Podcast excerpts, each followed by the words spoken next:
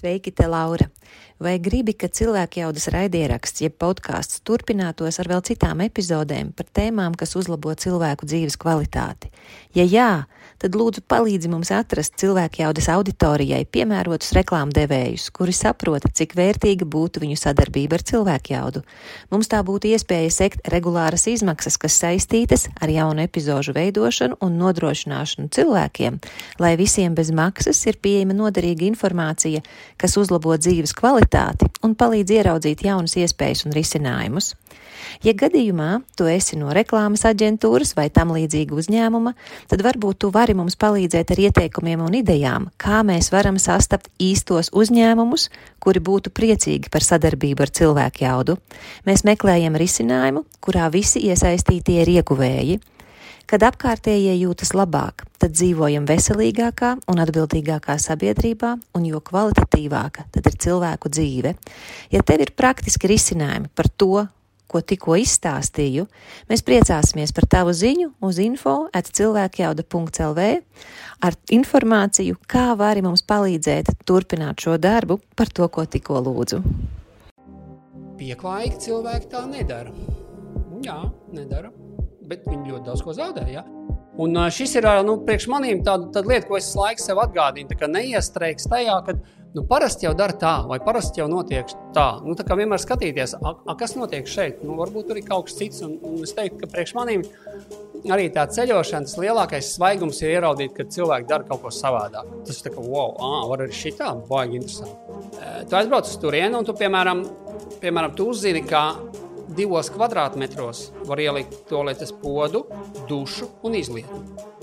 Un tas viss strādā. Un tad vienkārši atgriežoties mājās, Un tu saproti, cik labi mēs dzīvojam. Un tad šeit tās manas pretenzijas pret dzīvi, viņas ritīgi, nu, viņu faktiski, nu, es negribu teikt, ka nav, bet tādā sadzīviskā līmenī es, es kļūstu daudz, daudz pieņemošāks. Protams, ir tā, tev iekšējais ir tāds, viņš tāds adrenalīnīs, bet tā ir tā pieredze, nu, ko es tā kā redzu, un tā, ko viņa dod. Viņa dod tādu atļaušanos darīt lietas savādāk. Un tas ir tas, kāpēc ir vērts, vārds sakot, nokļūt varbūt dažreiz tādās nērtās situācijās, vai nu, kad kad ego saka, nu, vecīgi, nu, ko tagad ar to darīt? Nu, ko darīt, to darīt? Nu, kas tas ir? Nu?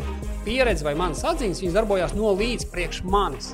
Es esmu priecīgs, ja viņas arī priekš tevis darbojās, bet, ja nedarbojās, tas ir pilnīgi normāli. Ja visdumjākais ir sākt stāstīt man, ka tas priekš tevis nestrādā. Nu, nu, tev nestrādā, nestrādā, man strādā. Mums ir mūsu pieredze, un mēs tikai jūtam, ka tas ir kaut kas savādāks. Un tas savādākais parasti saistīts ar nedrošību, bailēm, jo es nezinu, kā tur būs. Nezinu, man sanāks, nesanāks, patiks, nepatiks, garšos, negaršos.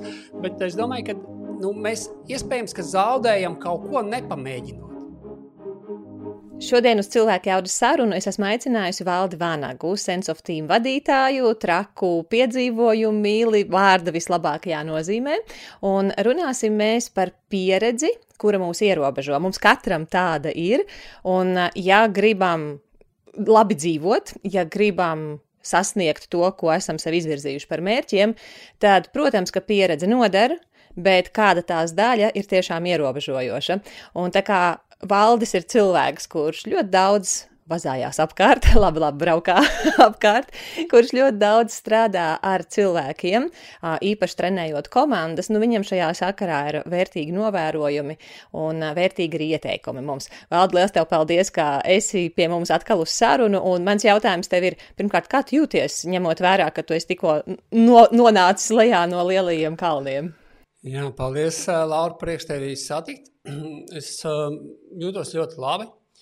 Un kaut kā, nu, laikam tas nāk ar tādu, nu, kā saka, ar vecumu, bet eh, man, nu, man liekas, ka tā, tā jušanās ir vispār beigas svarīga atkarīga no mums. Nu, mēs varam būt šur tur, bet tā, tas, kā mēs jūtamies, lielā mērā ir nu, mūsu ziņā. Ja, tur, nu, tur, protams, ir kaut kāds ekstrēms gadījums, kad tev kāds no aizmugures pagrūž kaut kur, bet, bet pa lielam jūtos ļoti labi, jo, jo Nepālā.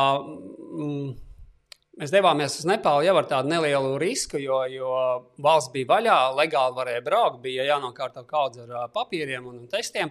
Bet mēs bijām laimīgi, jo mēs tikām līdz kalniem, un atgriežoties no kalniem, Nepālā bija oficiāli izsludināts lockdown. Visa valsts bija cieta, nevarēja ne ielidot, ne izlidot.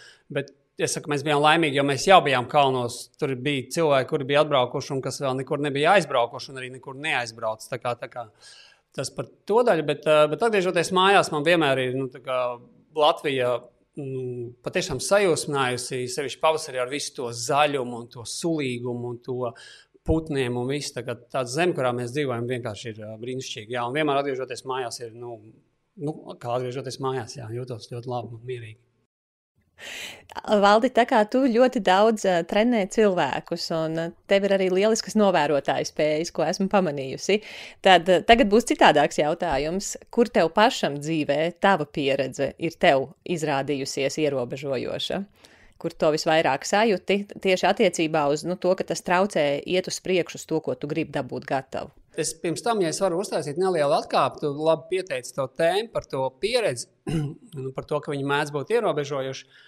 Un man liekas, ka nu, tā viena lieta, ko es sapratu, strādājot ar cilvēkiem, dažreiz izvirzot kaut kādus nu, apgalvojumus vai nu, nezinu, tur, pieņēmumus. Ja cilvēks otrā pusē, ar kuru tu runā, nesaprot, par ko tas ir, pirmais parasti viņam iestājās kaut kāda pretreakcija. Es domāju, ka arī tu runāji par šo ļoti daudz, teici, nu, kas par muļķībām, nu, savā prātā domāju, nu, pieredzi taču tas, taču tas, kas mums vispār tur ir sūdens, tas, tas kas ir mūsējais. Un, un jums ir pilnīgi taisnība. Tas nav par to, ka šeit tiek noliekta kaut kāda pieredze, kas jums ir un ka viņa nedara. Ir vairāk par to, ka, ja jūs nevarat um, apskatīties pāri šai pieredzei vai no cita redzes, redzesloka, tad, tad viņi kļūs jums ierobežojuši.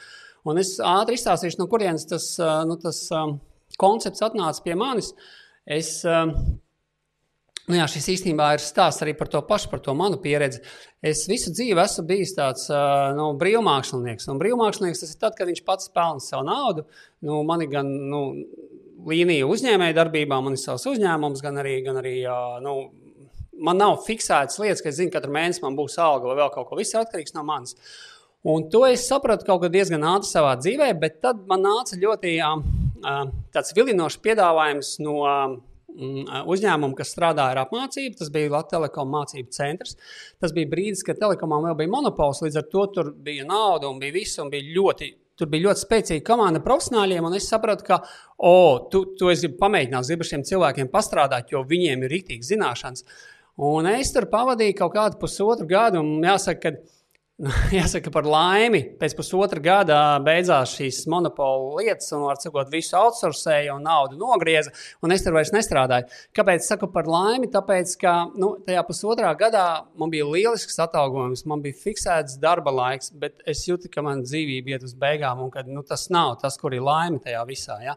Un tas kā, bija ļoti labi, ka es reiz dzīvē no tā izkāpu, un no tā brīža sapratu, ka nu, nē, mans tomēr ir šis. Uh, brīvā aģenta status, kur ir savas blaknes. Kā es saku, es neredzu dzīvi vairāk priekš kā divi mēneši, trīs mēneši. Labāk, labajos laikos. Šobrīd vispār ir viss ir migli. Ja? Bet nu, tā ir tā brīvības cena, vai tas, ka tu gribi dzīvot un nu, pats to savu dzīvi regulēt. Un tā kā cilvēki izvēlās vienu vai otru. Bet uh, ar to Latvijas mācību centru arī saistās šis stāsts par to pieredzi, kas uh, mūs ierobežo. Es strādāju toreiz kopā ar, ar, ar ar uh, Rūtu Lūsi. Nu, Rūta Lūsa ir uh, arī man šobrīd tāda kā.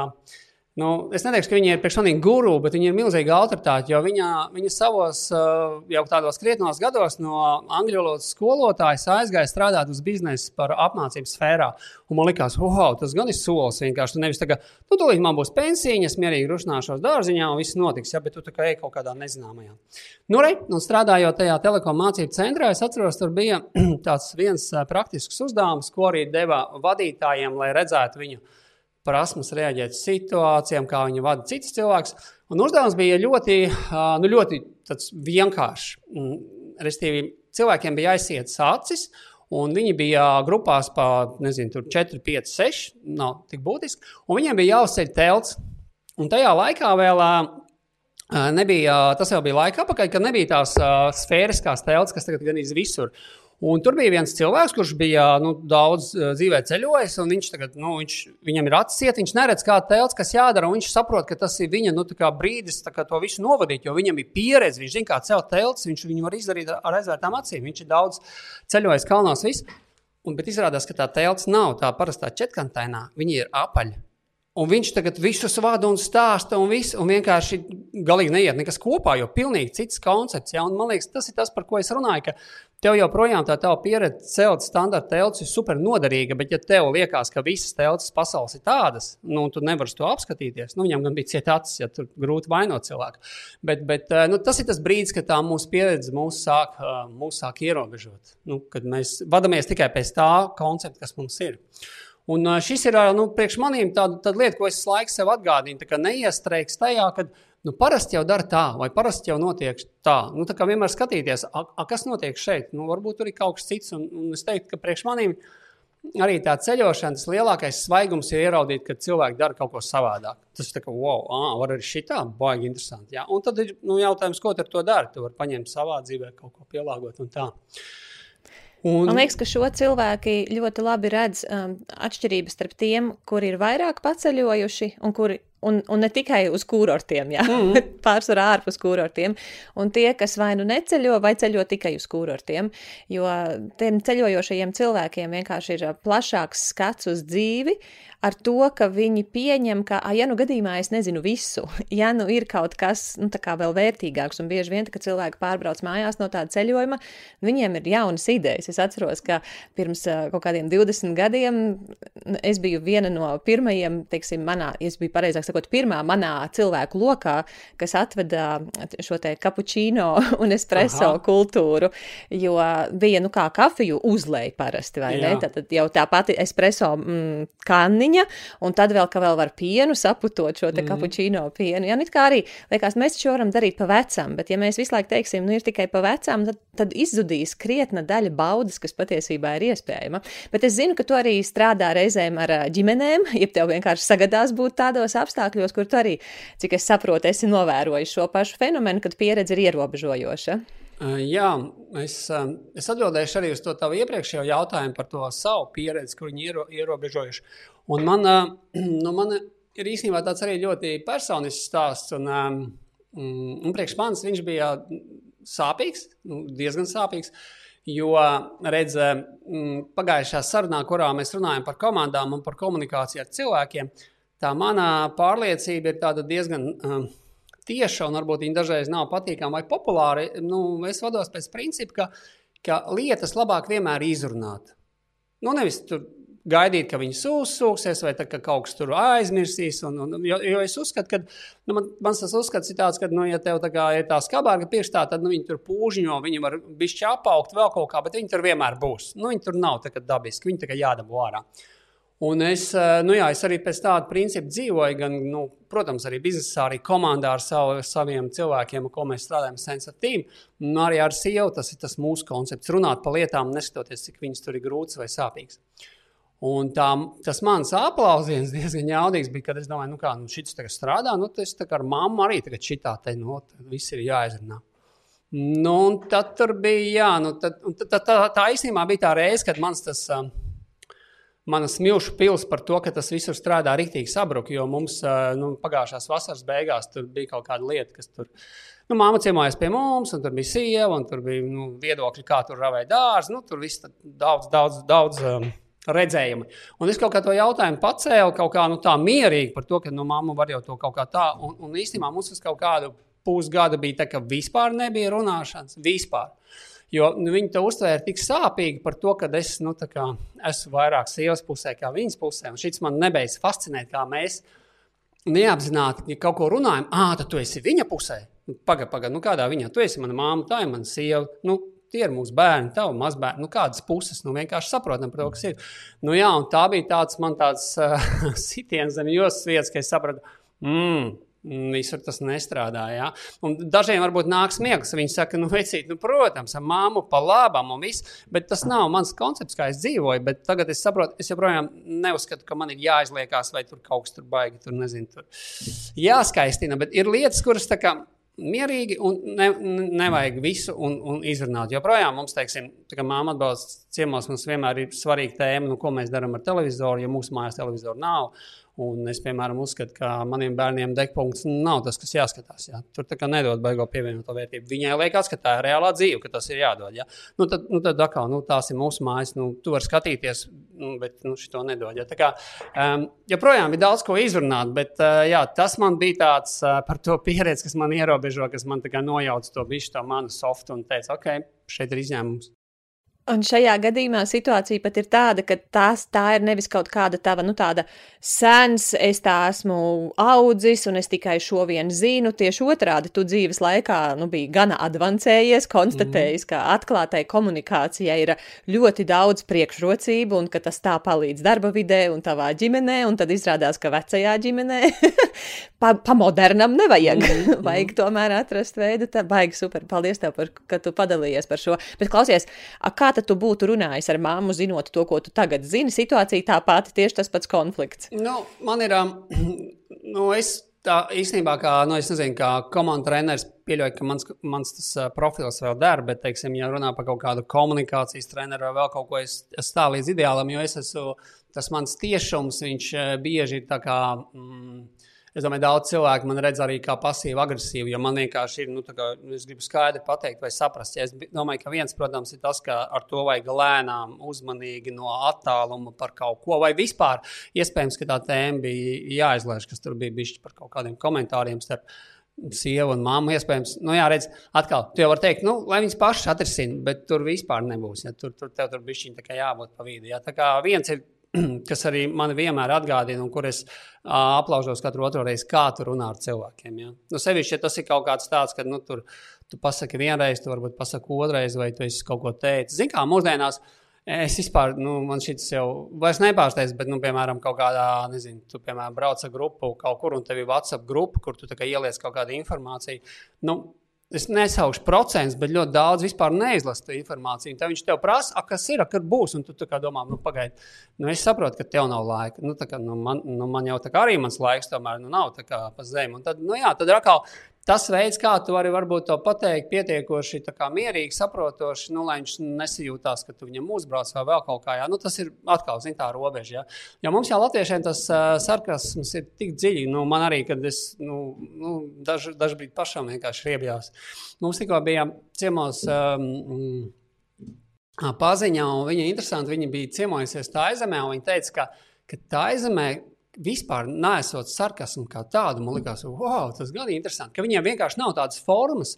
Un es domāju, ka tas diezgan daudz ko varētu arī, nu, ja mēs varam to adaptēt, jo, jo mēs kā latvieši, nu, man liekas, tas sarkasms mums šķīst uz visām pusēm, jā, nav žēl nevienam. Jā, un, Nu, jā. Man arī, teiksim, bērniem runājot, tu izšāvi kaut ko, un tad saprati, ka viņš vienkārši klapē ar acīm, jo viņš jau nav noķēris to. Jā, nu, kam? Jā. Nu, tā, tā kā, tā kā, jā.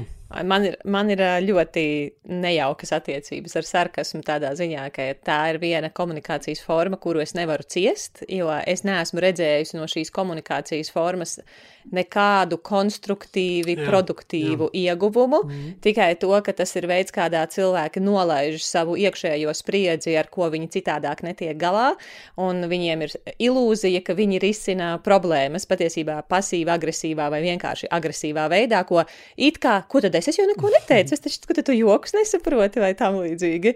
Tā kā jā, es, es pilnībā pievienojos tev, un īstenībā es nezināju, ka tā izmē tā ir, ka nav jā, šāda te sarkasma forma. Man liekas, tas būtu tiešām mhm. interesanti mm. padzīvot tādā vidē, bet, protams, tā problēma būs atgriezties atpakaļ. Un, ko es gribēju teikt? Neskatoties uz to, ka es neciešu sarkasmu, Es pati mēdzu būt nu jā, sarkastiska, to nesaprotot, nāk, jo man es tā tiku audzināta, ka pēc vārda kabatā nav jāmeklē, vai nu tu atšaudies ar muti atpakaļ, ja tev kāds uzbrūk, vai nu tu mīlesti.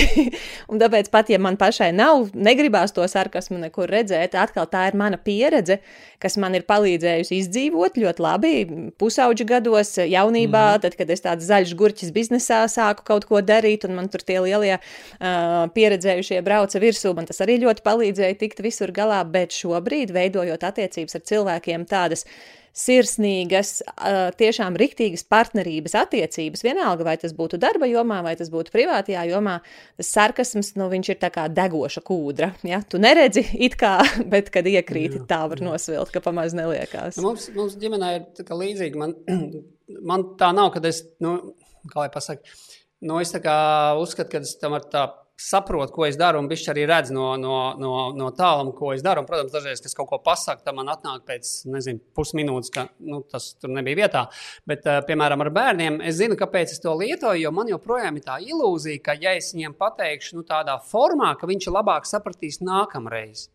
Nu, ta, tas nevis tāpēc, ka tur tagad nu, tā, slip, bet, un, un tā ir tāda ilūzija. Ja? Un, un, savukārt, nu, ar sievu, kā mēs runājām, mums ir labi, jo, ja mums tās attiecības, ka es pasaku, viņa man pasaka, šis bija liekas, to varēja to arī neteikt. Tas, un tad tajā brīdī tu tā kā, ok, jā, nu tad nākošais mēs varam pieķaunēt. Tā ir.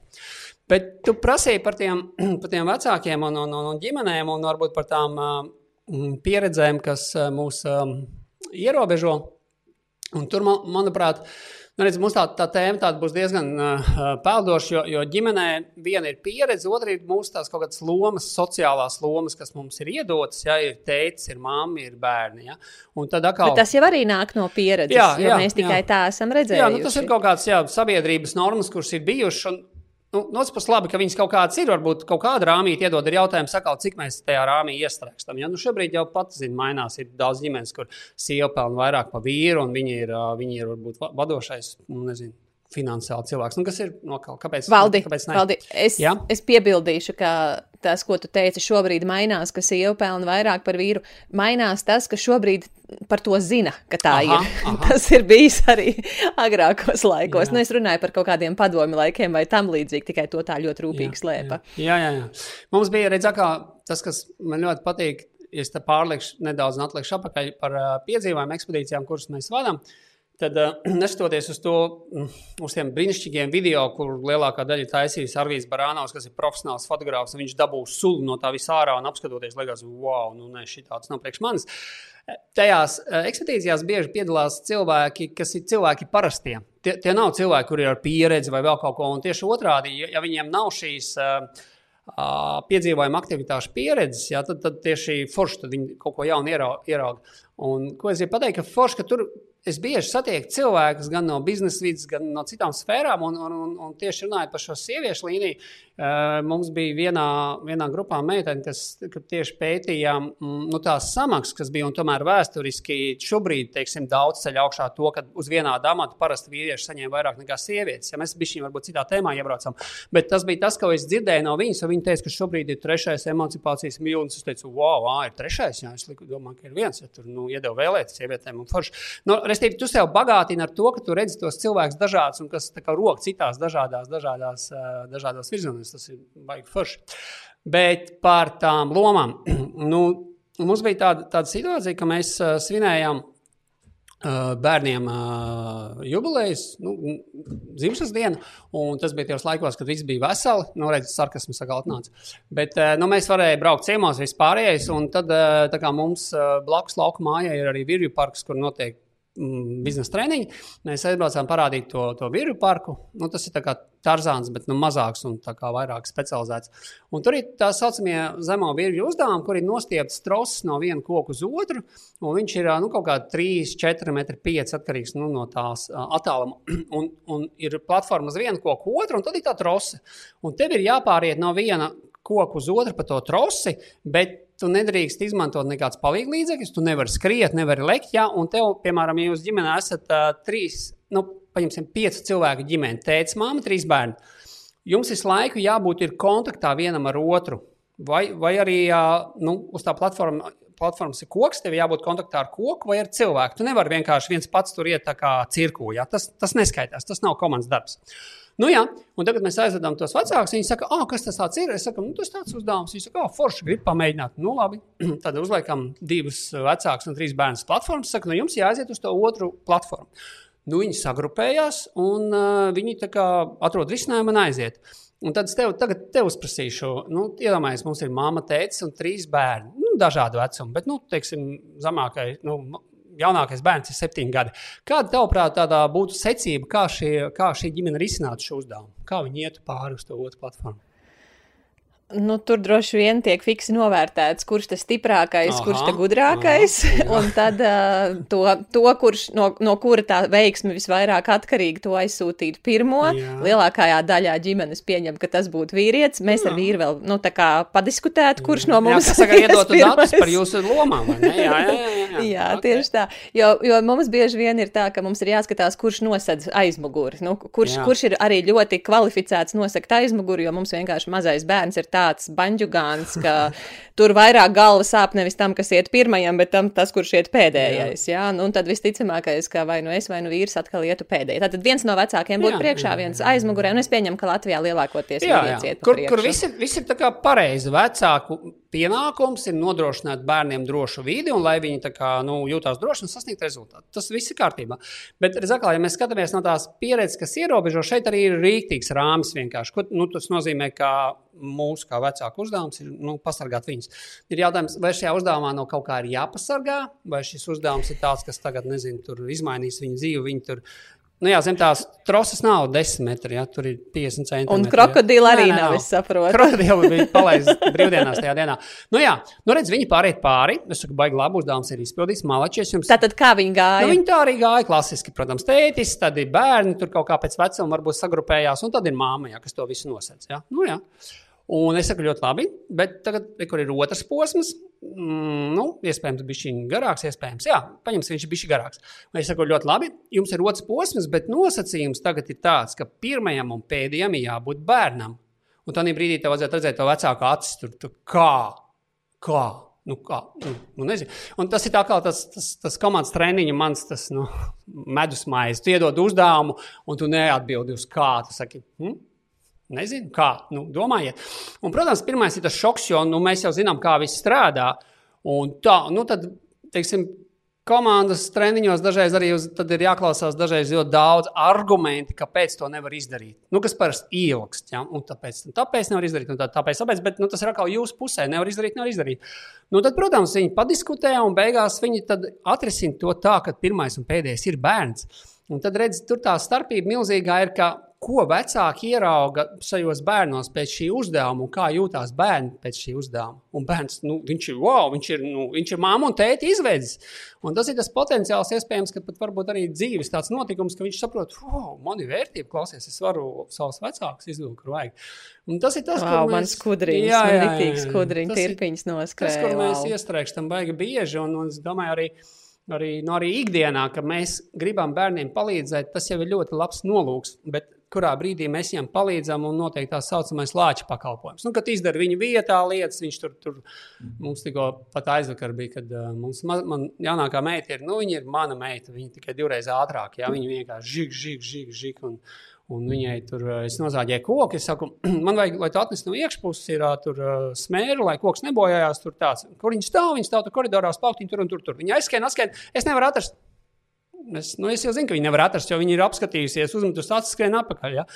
Un tādā brīdī, jā, nu, man empātiskā sieva saka, nu, es aiziešu, atradīšu. Saku, nē, nē, nē lai viņa pati atrod. Nu, tāpēc, ka tam tur ir jābūt. Iespējams, pat ja tur nav, nu, tas nav laiks, kas ir veltīts izpētē. Ja?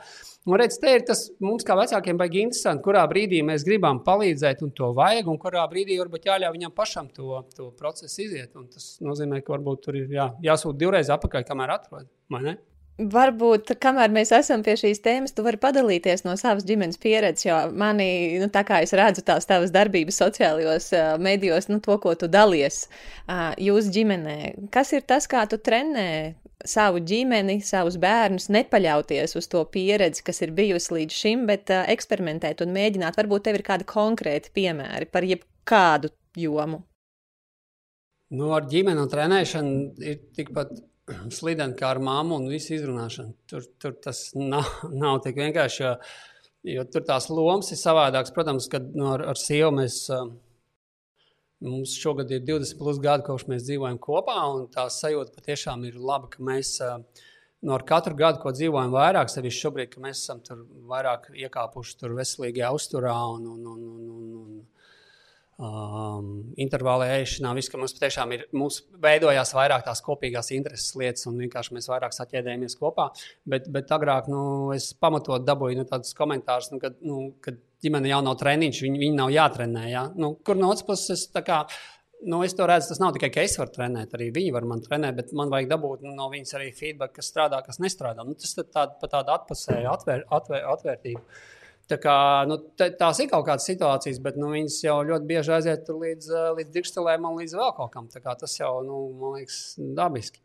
Bet, um, par bērniem runājot? Jā, es domāju, nu, par mums nu, nu, tas ir vairāk. Uh, Un tāda viena baigta standarta situācija, kuras kļūst jau garlaicīgs un piesienos, kad, nu, kad piemēram, nu, man kā tiešām cilvēkam ļoti kaitīga forma, ka, piemēram, nu, mēs strādājam dārzā un tev ir forma, vai tu varētu atvest ķēru?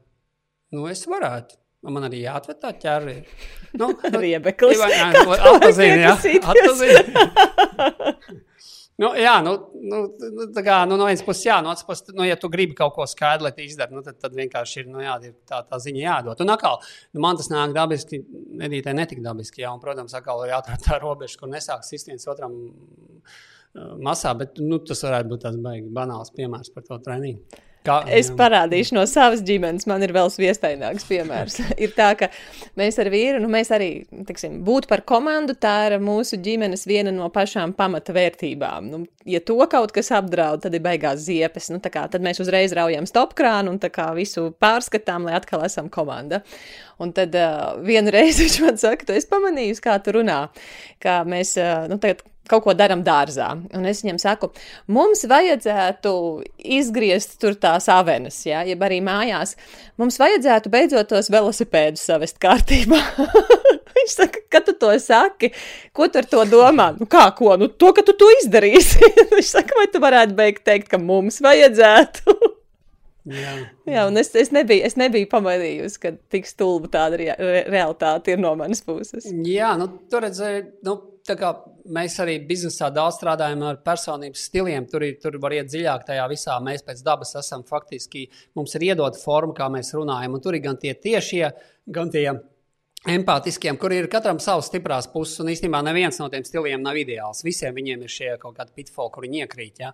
Bet, bet tas... nu, es tagad nevarēšu jā. atturēties, Valde. Es zinu, ka tā nav mūsu sarunas tēma, bet lūdzu pastāsti, kādas tad ir tās, kas ir kuram iedots. Kad ir tie empātiskie, un tad ir tie cietpauri, kas, jā. kas mauc tikai savā ierastajā veidā, un tad jūs viņiem kaut ko mācat. Lūdzu, padalies, nu, ja jau reiz. Te uzreiz noteikti liela daļa auditorijas teiks, ka tas viss nav, un mēs varam būt visi. Un, nu, sāksim ar to, ka mums ir tā kā dabiskā uzvedība, kas mums ir iedota no dabas, nu, caur dienai, vai ko mēs tur gribam. Ir... Tur runā tagad par dzimumiem, ja par ko? Nē, šis, šis, šī ir labā ziņa, ka šī personības stili neatiecās uz dzimumiem. Viņi visi, tā kā visi var būt visi. Var sakot, ir gan vīrieši tajā, tajā, tajā veidā uzvedībā, gan sievietes. Ja? Tur, tur nav dzimuma lietas, tur nav. To mēs forši, to mēs varam likt malā. Ja? Tas jebkurš eh, iekrīt tajā kādā no tām četrām kategorijām. Ir eh, četras, četri uzvedības stili, kā var raksturot cilvēkus. Visu cilvēku. Iedomājieties, visi cilvēki četros uzvedības stilos. Nē, nevar. Jā, jā, jā, tieši tā. Un, un šobrīd jau tas ir bijis smalkāk nācis, jo tos četras kategorijas nu, var sadalīt vēl trijās apakškategorijās. Tā kā tā stingri ņemot visu cilvēks var ielikt 12 pamatkategorijās. Uh, kas, protams, atkal izklausās, nu, jā, protams, tāds boxings tagad viss ieliksim. Bet, bet es izstāstīšu, kāds notiek. Uh, tā pirmā lieta, kas ir, kā jau teicu, mums ir dabiskā uzvedība, ar ko mēs esam piedzimuši. Un dabisko uzvedību raksturo nu, to, kā mēs uzvedamies. Nu, es paņemšu kā piemēru no savas. Uh, um, no savas meitas. Viņai tagad tās šīs dienas, burtiski rītdien, brauc klasi uz kaut kurieni. Un, uh, viņiem kā, tur ir jautājums, kā viņi tur aizbrauks. Un, uh, viņi zina, ka mums ir uh, deviņvietīgs buss. Un skolotāji saka, nu es nezinu, kā mēs aizbrauksim. Viņi saka, o, manam tētim būs, viņš aizvedīs. Es saku, nu, nu jā, tādā tam notiekās. Viņš šodien saka, klausies, mēs klase braucam tur, vai tu varētu mūs aizvest? Es saku, Līvuk, nu, pagaidi, nu, pirmkārt, būs remontā, otrkārt, man ir plāni. Viss. Nu, restīvi, viņa ir tā, tas cilvēks, kas ir. Šeit mēs nonākam pie pirmā tā personības stila, kas ir dominējošais cilvēks, kas ātri pieņem lēmumus un kas ātri saprot, kā lietas darīt. Un, nu, teiksim, viņas galvā pat nepazīst, ka varbūt jāspēj tētim, varbūt viņam citi plāni ir kaut kādi. Ja? Un viņai tas notiek dabiski. Tas nav tā, ka viņai vienkārši tas notiek. Kur otrā pusē, teiksim, nu, mans uh, vidējais dēls, viņš ilgi pārdomās vispār, vai kas tas ir, tad viņš iespējams, iespējams atnāks pie manis, uzprasīs, un tad iespējams pateiks skolotājiem. Un viņiem tas abiem ir dabiski. Un no šī ir izriet to, kā viņi dzīvē nu, lietas dara un kā viņi viņas redz. Ja? Kur katram ir savi nu, plusi, mīnus. Ja? Tad tā ir tā dabiskā uzvedība, kas viņiem ir. Nu, sevišķi bērniem. Nu, bērni ir dabiski, viņi vienkārši pārstāv šau ārā, viņi vēl nav nu, sakodēti kā mēs. Un tā otra daļa, kas mums ir vajadzīga, lai mūs kāds klausītos un kāds mums parunātu, ir tā saucamā iemācītā uzvedība, kas, piemēram, man šobrīd runājot ar tevi, dabiski būtu tev pārtraukt trīsreiz biežāk nekā es to daru. Nu, tāpēc, ka man ir ko pateikt. Bet man tā kā, ok, Laura stāsta, jā, mm, jā forši, nu, šito es varu arī paturēt pie sevis. Tas tas, ko es esmu iemācījies. Nu, lai vispār varētu funkcionēt, jā. Bet dabiski man ir šaut ārā, jā. Un, jā, nu, tā tās ir tās divas uzdevības, kas cilvēkiem ir, ko viņi var atpazīt. Un viņas abas ir vajadzīgas. Ja, jo, ja, ja, ja esi dabas bērns un blies, ko tu gribi un dari, ko tu gribi, nu, tad tu arī nu, paliec tās dabas bērns. Un tad ir šī, šie četri pamata personību stili kur pirmais ir dominējošais. Tas nozīmē, ka šis, šie cilvēki parasti ir stiprāki pārējo vidi. Tas nozīmē, ja viņi grib kaut ko sasniegt, viņi ies un cīnīsies un virzīsies uz, uz priekšu, un uh, viņiem ļoti svarīgs ir rezultāts, ko viņi sasniedz. D. Ja? Šis ir diska modelis, ļoti populārs un daudz viņi zina. Labā ziņa, ka viņš ir psi, psihosociometrija, ja, kas ir balstīts uz, uz pētījumu tā tālāk. Tas nav tā kā horoskops, ko izlasi nedēļas beigās un saki, jā, jā tas pamanīja. Otrs ir uh, ietekmējošais stils, kas ir I, nu, tur ir angliskais, bet šobrīd jau saka, sakrīt DI. Un ietekmējošie tie cilvēki, kas ir kompānijas dvēselē, dvēseles, kuri kuriem patīk runāt, kuriem patīk būt uz skatuves, kuri ir enerģijas pilni. Balīties parasti tas ir tas cilvēks, kas stāv glāzē, stāsta, stāsta un visi klausās viņu. Ja? Tā, tā problēma ar tiem ir tāda, ka viņiem nevar aizbāzt bieži mutu. Viņi sāk kaut kādā brīdī apnikt, jo viņi runā visu laiku, un runā, un runā. Bet viņi dabū enerģiju no tiem cilvēkiem, ar kuriem viņi runā, un to, ka viņš ir uz skatuves. Uh, viņa, viņa stiprā puse ir šī cilvēka enerģija. Viņam ir ļoti viegli lietas sākt un cilvēks iekšķināt, bet viņam ir tā sāpe par to rezultātu sasniegšanu. Viņam ātri apnīk, viņam tā kā vajag kaut ko jaunu, viņš pamet lietas, ja atkal nu, viņš ir forši iesākt. Tad ir uh, es, cilvē, es, DIS, es ir līdzsvarotais stils. Tie ir tie cilvēki, kas ir vairāk, kā viņi ieklausās, viņi grib saprast, kā tu jūties, kā šis ietekmēs tevi, uh, ko tu par to padomās. Ja restīvi, viņiem ir svarīgāks tas citu viedoklis, un viņi tiek uzskatīti par labiem komandas spēlētājiem, vienkārši jo nu, viņi ir tie vairāk gatavi strādāt kopā un ne tik daudz virzīt tās savas līnijas. Un pēdējais ir C, kas ir kā, mm, stils, kurš ir viņu latviešu sauc par analītisko. Nozīmē, viņam ir ļoti svarīgi cipari, fakti, noteikumi, norunas. Un tas ir tas cilvēks, kurš turēsies pie norunām un noteikumiem, ja mēs jūs esat sarunājuši. Un kamēr jūs viņus neatcelat, vai kamēr jūs neesat vienojušies, viņš no viņiem neatkāpsies. Un viņam sāpīgākais tas, ja tu pēkšņi izdomā darīt kaut ko citu un dari, un viņš vienkārši to uztver kā, nu, nu nezinu, nodevību vai vēl kaut ko ļaunāku. Nu, redz, bet tas, ir, nu, tas arī nav tā, ka tagad um, tie ir četri uzvedības personības stili. Un tie cilvēki, kas grib tagad par šo palasīt vairāk, kā, kādas uh, meklēšanas termini viņiem Ļoti, jāievada? Viņiem vienkārši jāievada DISC, un tur ir pilns internets ar to, vai mūsu mājaslapā, sensitīvā mājaslapā var redzēt vairāk video un izskaidrojot, izskaidrot mm -hmm. vairāk par to.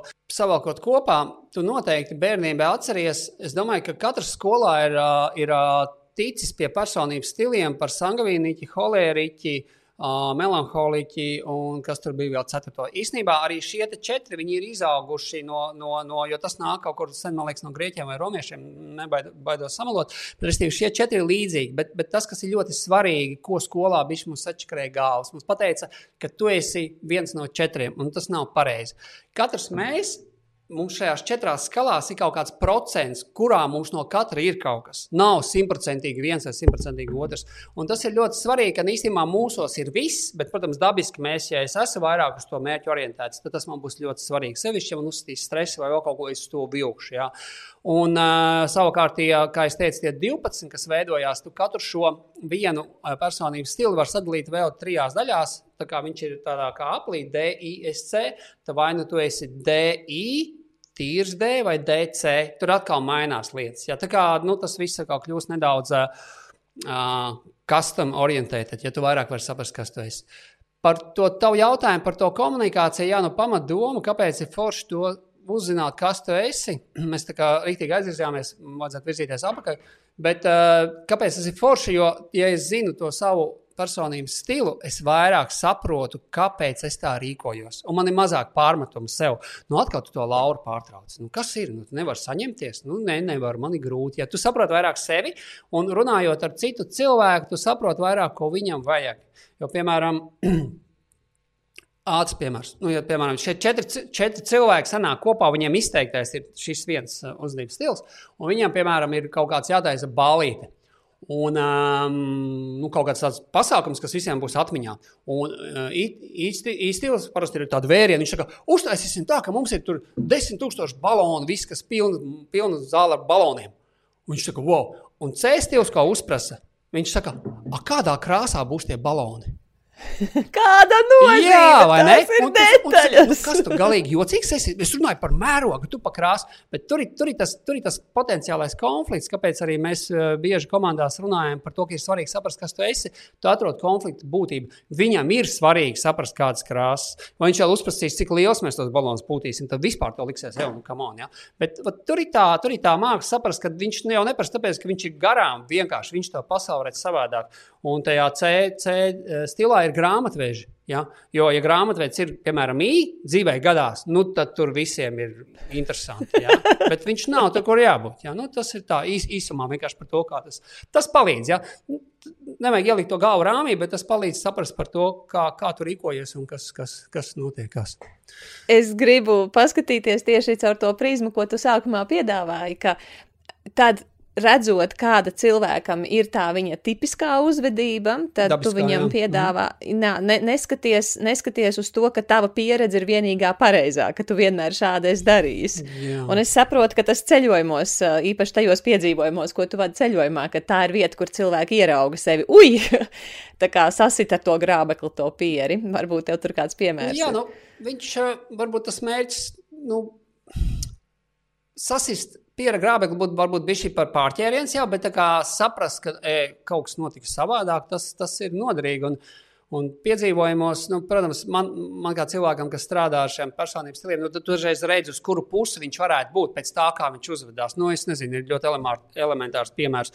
Nu, cilvēks, piemēram, kā viņam telci sakārtot vai nesakārtot. Ja, ja viņam tur viss ir salocīts, salocīts noliks maņā, skaidrs, ka viņš vairāk ir uz C, nozīmē, ka viņam vajag struktūrēt pieeja, viņam jāzina, cikos celsimies, cikos iesim, kas kā nav nu, man tā kā nav galīgi e, garām tas, man, man liekas, treš, trešais rādītājs, vairāk C, bet es teiksim, vairāk esmu tāds, kas iesim, redzēsim, un tad pielāgosimies. Un tas nozīmē, ka mums arī tikko Nepālā grupā bija nu, cilvēki, kuriem vajadzēja baigt skaidri, cik kilometrus, kāds kāpiens, cik ilgi iesim, vai būs ūdens. Kā es varu zināt, vai būs ūdens? Jo, ja ir sniegs, kānos, tad ir strauti, nav sniegs, nav strauti. Un tā, nu, tā māksla atkal atbildēt tam cilvēkam, cilvēkam tā, lai viņš neapvainojās. Jo, jo redz, ja tu vadi kaut kādu procesu, piemēram, ekspedīcijās, tev jau tā, nu, tas spiediens nu, grupas tomēr ir liels, jo, nu, ir, viņi tev uztver kā līderi, tu arī esi, un viņi grib no teviem kaut ko zināt. Un tad, ja tu pateici, ka tā ir, nedod Dievs, ka tā nebūs. Ja? Un līdz ar to tu agri vai vēl baigi ātri saproti, ka pā, pā, pā, pā, pā. ir lietas, ko es zinu, ka mēs vakarā mums jāaiziet līdz šitam ciemam, un viņš tur stāv. Bet cik ilgi mēs iesim, kas būs pa ceļam, nu, es jau nezinu, cik ātri ies viss. Un tad atkal iedot to informāciju, piemēram, šobrīd jau viegli. Tev ir kaut kāda aplikācija, tu iebaksti punktus, tu redzi kilometrus, redzi augstumu starpību. Reku tev aplikācija, skaties, ej. Nu, jā, un tas ir, tas ir baigi interesanti. Jā, ka, uh, ka cilvēkiem, nu jā, viņiem vajag to drošības sajūtu. Bieži tiem, kuriem vajag tos datus, tas ir ļoti daudz par drošības sajūtu un to, ka es gribu pārliecināties, pakontrolēt, kas būs. Bet tā otra puse ir tāda, ka nu, tas tā kā es vienmēr eh, joprojām iesmēju pa laika prognozēm. Nu, tās ir prognozes. Ja? Un tad vienkārši esi tagad, nu, prognoze šitāda, nu, ko mums tagad darīt. Nu, neko paņemam lietas jaku, neejam, būs lietas, uzvilksim lietas jaku, nebūs lietas, nevilksim. Bet, ja tu gribi to dzīvi bāzēt uz to, ka tu tajā dienā iesim ārā, jo nebūs lietas, pēc mēneša sola, ka nebūs. Ja tev jāiet uz Everestu, es pieļauju, ja tur ir bijis savādāk. Nu, tur arī ir pasaules līmeņa prognozi, tu vari iedot kaut kādu logu, un tur tomēr tas ir dzīvības nāves jautājums, kur tu vari skatīties, kas būs. Bet, ja mēs staigājam pa mežu vai par to, ka mums draud izlīt, nu, nu ir ok, nu, manā skatījumā. Mm? Tad eh, runājot par pieredzi, kas var izrādīties ierobežojoša, jo es labāk zinu, kāds tips es esmu, un spēju arī pārējiem paskaidrot, ko nozīmē mija darboties ar tādu tipu, jo mazāk šī mana pieredze man ierobežos. Es mēģināšu minēt piemēru. Ejam mēs ar vīru pa kalniem. Tāda garais mūsu pārgājiens. Mēs kaut kur ejam. Nu, tagad mēs nonākam krustcelēs. Viens, viens ceļš aiziet uz vienu pusi, otrs aiziet uz otru pusi. Un vīrs, nu, kurš to visu organizēja, viņš man tāds saka, ah, tagad pagaidi, es tagad nevaru īsti saprast. Nu, viņš tagad netiek skaidrs, gudrs, pa kuru ceļu mums ir jāiet. Un es viņam saku, nu, tā kā zini skaidri. Viņš saka, nē, es nezinu skaidri. Bet nu, man šķiet, ka vajadzētu iet pa turieni, uz ko es viņam jautāju. Tev šķiet, ja tev ir konkrēti skaidra zināma informācija, ka mums ir jāiet pa labi. Viņš saka, nē, nu tā nav, bet man, man liekas, ka varbūt kaut kā tā varēja būt. Saka, nē, nu tad mums noteikti nav jāiet pa turieni. Ir pilnīgi skaidrs, ka šis ceļš ir lielāks un mēs ejam pa šo ceļu. Nu, un līdz ar to es esmu tas cietpauris ģimenē. Ja? Es viņā esmu aizvilkus pa to ceļu. Mēs, protams, iekuļamies pilnīgā nekurienē, jau paliek jau tumšs, nu, ziepes liels. Un, un viņš man saka, bet es taču tev teicu, ka mums nevajag iet pa to ceļu, uz ko es viņam atbildu. Kad tu teici? Mm. Es tev prasīju, tu, zini, tu teici, ka tu nezini. Un tad es izdarīju secinājumus pēc visām pārējām zīmēm, ka šis būtu tā loģiskā vieta. Viņš saka, nē, nu es tev mēģināju pateikt, ja? bet viņš savukārt atkal ir tas tips, kurš kā, nu, mēģina apsvērt jā, mierīgi, visas jā. puses, vai ne? Mm, nu, tad, un viņš jau, protams, bija piemēra, nu, piemetis vēl, ka, ok, mēs droši vien aiziesim neceļos, bet nu, tad viņai būs laba mācība, mēs vēl paspēsim, paspēsim atnākt atpakaļ. Un tas, ko tā pieredze, nu, viņa bija jau pirms gana daudziem gadiem, un viņa man bija tāda ļoti acis atveroša, ka es arī savā, nu, teiksim, kad es miedarbojos ar cilvēkiem, saviem partneriem un savai komandai, es bieži vien tā arī saku, es esmu cietpauris. Ja tev ir pilnīgi skaidrs, ka tu zini, nu, labāk, tevā rīcībā ir labāka informācija, bet es nespēju viņu uztvert. Es, tu tā kā man saki, bet es pat nedzirdu.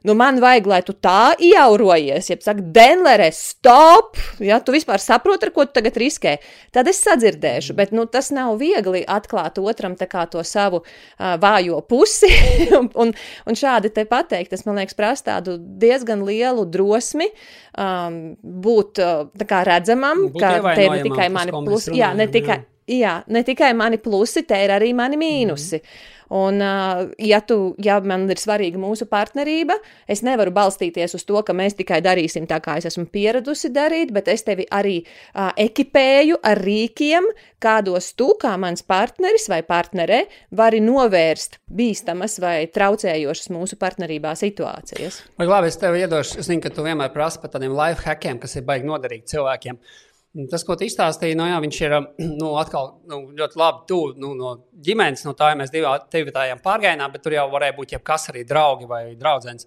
Un tajā brīdī, kad jūs esat aizgājuši tur un tur sākās, es tev teicu, tu man neteici, tas jau ir pa vēlu. Nu, jau sākās bijis tāds kariņš. Ja?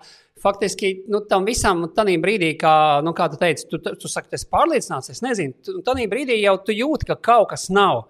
Un tā kā mēs jūtam, ka kaut kas nav, nevajadzētu iet tālāk, pirms mēs saprotam. Jo, jo ejot tālāk, ir skaidrs, ka būs kaut kāda pārstiena. Varbūt iziesim, varbūt nē. Un, un, nu jā, tas ir man liekas tāds, tādā katrā komunikācijā. Ka, nu, tas mans skaidrojums, nu, manuprāt, kāpēc es zinu, ka arī mums ģimenē, ģimenē tas dažreiz paslīd garām, ir šis brīdis, kad ir tas um, atgriežoties pie pagājušās mūsu sarunas, ir tas konflikts, ka tev ir dažādi viedokļi, uh, dažādi viedokļi, un tu jūti, ka viņi tā kā, tā kā sāk tur dzirsteļot. Un tu saproti, ka nu, ja tagad tu viņus aiztiksi, iespējams, viņi vēl vairāk dzirsteļos. Un tad tu nolēmi, nu labi, es viņus neaiztikšu, ejam viens skatam, un tad tu aiziet tālāk, un tad ir bām vienkārši, jo tad viss jau ir slikti. Tas ir tas brīdis, kurā brīdī ir vērts runāt par to, par to konfliktu, jo, ja tu viņu izrunā, Iespējams, ka tur sadzīsteļo, bet tā, mēs varam atkal nu, atgriezties atpakaļ tajās sliedēs. Un otra lieta, tas, ko tu stāstīji par tiem dažiem, nu, kādi mēs esam, dažādi uzvedības stili. Redz, te, te redz, parādās baigi labi tas redzējums. Ja es esmu dominējošs cilvēks, ko tu arī izstāstīji par sevi nedaudz, ka tev ir skaļi jāpasaka, mēs varam pateikt, Dēmler, aizveries, jo tur viss nedara tā. Citi tas, kas ir līdzsvarotais stils, viņš nekad tā nepateiks. Nekad dzīvē. Tāpēc, ka nu, tas ir. Tas ir jā. Līdz ar to tā gudrība ir bijusi cita, kad, lai to dabūtu, pirmkārt, tajā grupā vajadzētu būt tā, ka tā ir tā nu, droša vide. Cilvēki zina, ka viņi var paust savus viedokļus, un tas, ko mēs runājām pagājušajā, ir tā uzticība, ja, kas nozīmē, ka cilvēki atzīst savus kļūdas, lūdz pēc palīdzības un ir ievainojami. Un tas, ka tu šo pasaki jau grupai, tas jau, nu, jau esi ievainojami, tas ir super. Bet tas, es domāju, augstākā pilotāža, ko tu vari iegūt no tā līdzsvarotā stila, piemēram, vienoties par kaut kādu signālu. Un, piemēram, ja viņam tevis ir par daudz, vai tu viņu nedzirdi, viņš tev, piemēram, rāda šitā. To viņš vēl varētu. Tāpat jau viņam būs grūti, jo šis tev liks justies slikti. Un viņam uzreiz tā kā, ja, bet teikt, tev tā kā viss, to var tikai dominējošais stils, kas tās pats kā tu. Un tiem parasti tur arī tur džiš, džiš viņi bakstās.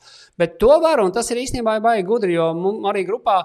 Nu, tur ir tas lielākais izaicinājums. Cilvēki ir tik dažādi, ja, un tu gribi viņus visus aizvest vienā virzienā, lai visiem tā kā, nu, ir tā pieredze. Ja. Līdz ar to nu, tāda latiņa, lai visi justos labi, puh, viņa vienkārši visi jutās labi, dzerot alu un ēdot picu. Bingo! ejam uz to programmu. Tur visiem būs labi. Bet visā, visā pārējā, nu, jā, nu, tur, tur kā, risku nav. Risku nav. Visiem garšo, visiem forši. Bet uh, nedodies kāds nedzer alu. Ja? Uzreiz tā kā, kas ar tevi? Kāpēc jūs par mani nepadomājāt? Jā, nu, Kāpēc jūs man ignorējāt? Jā, jā vai nepadomājāt, vai ja tu nedzirdi, tad tev kaut kas nav kārtībā. Nu, jā, un, un līdz ar to tajās grupās piedzīvojumās, ko mēs vedam, jā, mēs gan strādājam pēc tā 5B, ar, kas ir arī komandās. Mēs tā kā, nu, runājam par to, ka grupā jābūt atvērtai komunikācijai. Kur ir tas mammas risks? Viņu nosaucu mammas risks. Jā, ka tagad es pateikšu, un kaut kas nebūs labi. Bet, redziet, nu, jā, mums nav tās personīgās saiknes. Nu, tur tas risks, viņš, protams, var būt. Un joprojām daudz cilvēku paliek tajā drošajā, ka es tev labāk neko neteikšu, jo tu jutīsies slikti. Bet grupai tas nedod to. Nu, grupa jau jūt, ka kaut kas nav pateikts, un kaut kas tur apakšā ir. Jā. Un vadītājiem ir gatavam arī saņemt nu, visu to no grupas, ko viņi saka. Jā, tas, Nu, es tev teikšu, ka tas vienmēr ir patīkami. Es melošu. Nu, tas nav. Protams, ka tas tev ego ieskrāpē. Ah, viņam es visu sirdi izliku, un tad atkal slikti. Jā. Un vēl viņi būs. Jā, jā, bet ko, nu, nezinu, to kā saprot, kas tas ir, ko no tā var iegūt. Un, un tādā veidā, jā. Mhm. Un, uh, Valdi par uh, dzimumu lomām runājot, jo dzimumi jau ir mūsu pieredze, kas mums reizēm traucē. Ja pareizāk sakot, ierobežo, nevis mm tā, mhm. ka traucē. Tu teici, ka tev ir viens stāsts no piedzīvojuma par Kataloniju. Jā, jā. Es izstāstīšu to stāstu. Sākumā es tieši domāju, tieši šodien es braucu uz šejienu un domāju, ka, kas varētu būt nu, tie, tie piemēri. Un, uh, tas arī tāda viena no nu, sensitīvām, arī kad cilvēki brauc uz ekspedīcijām. Nu, ti, tās meitenes vai sievietes, kas skatās emancipācijas pusē, viņām varētu patikt.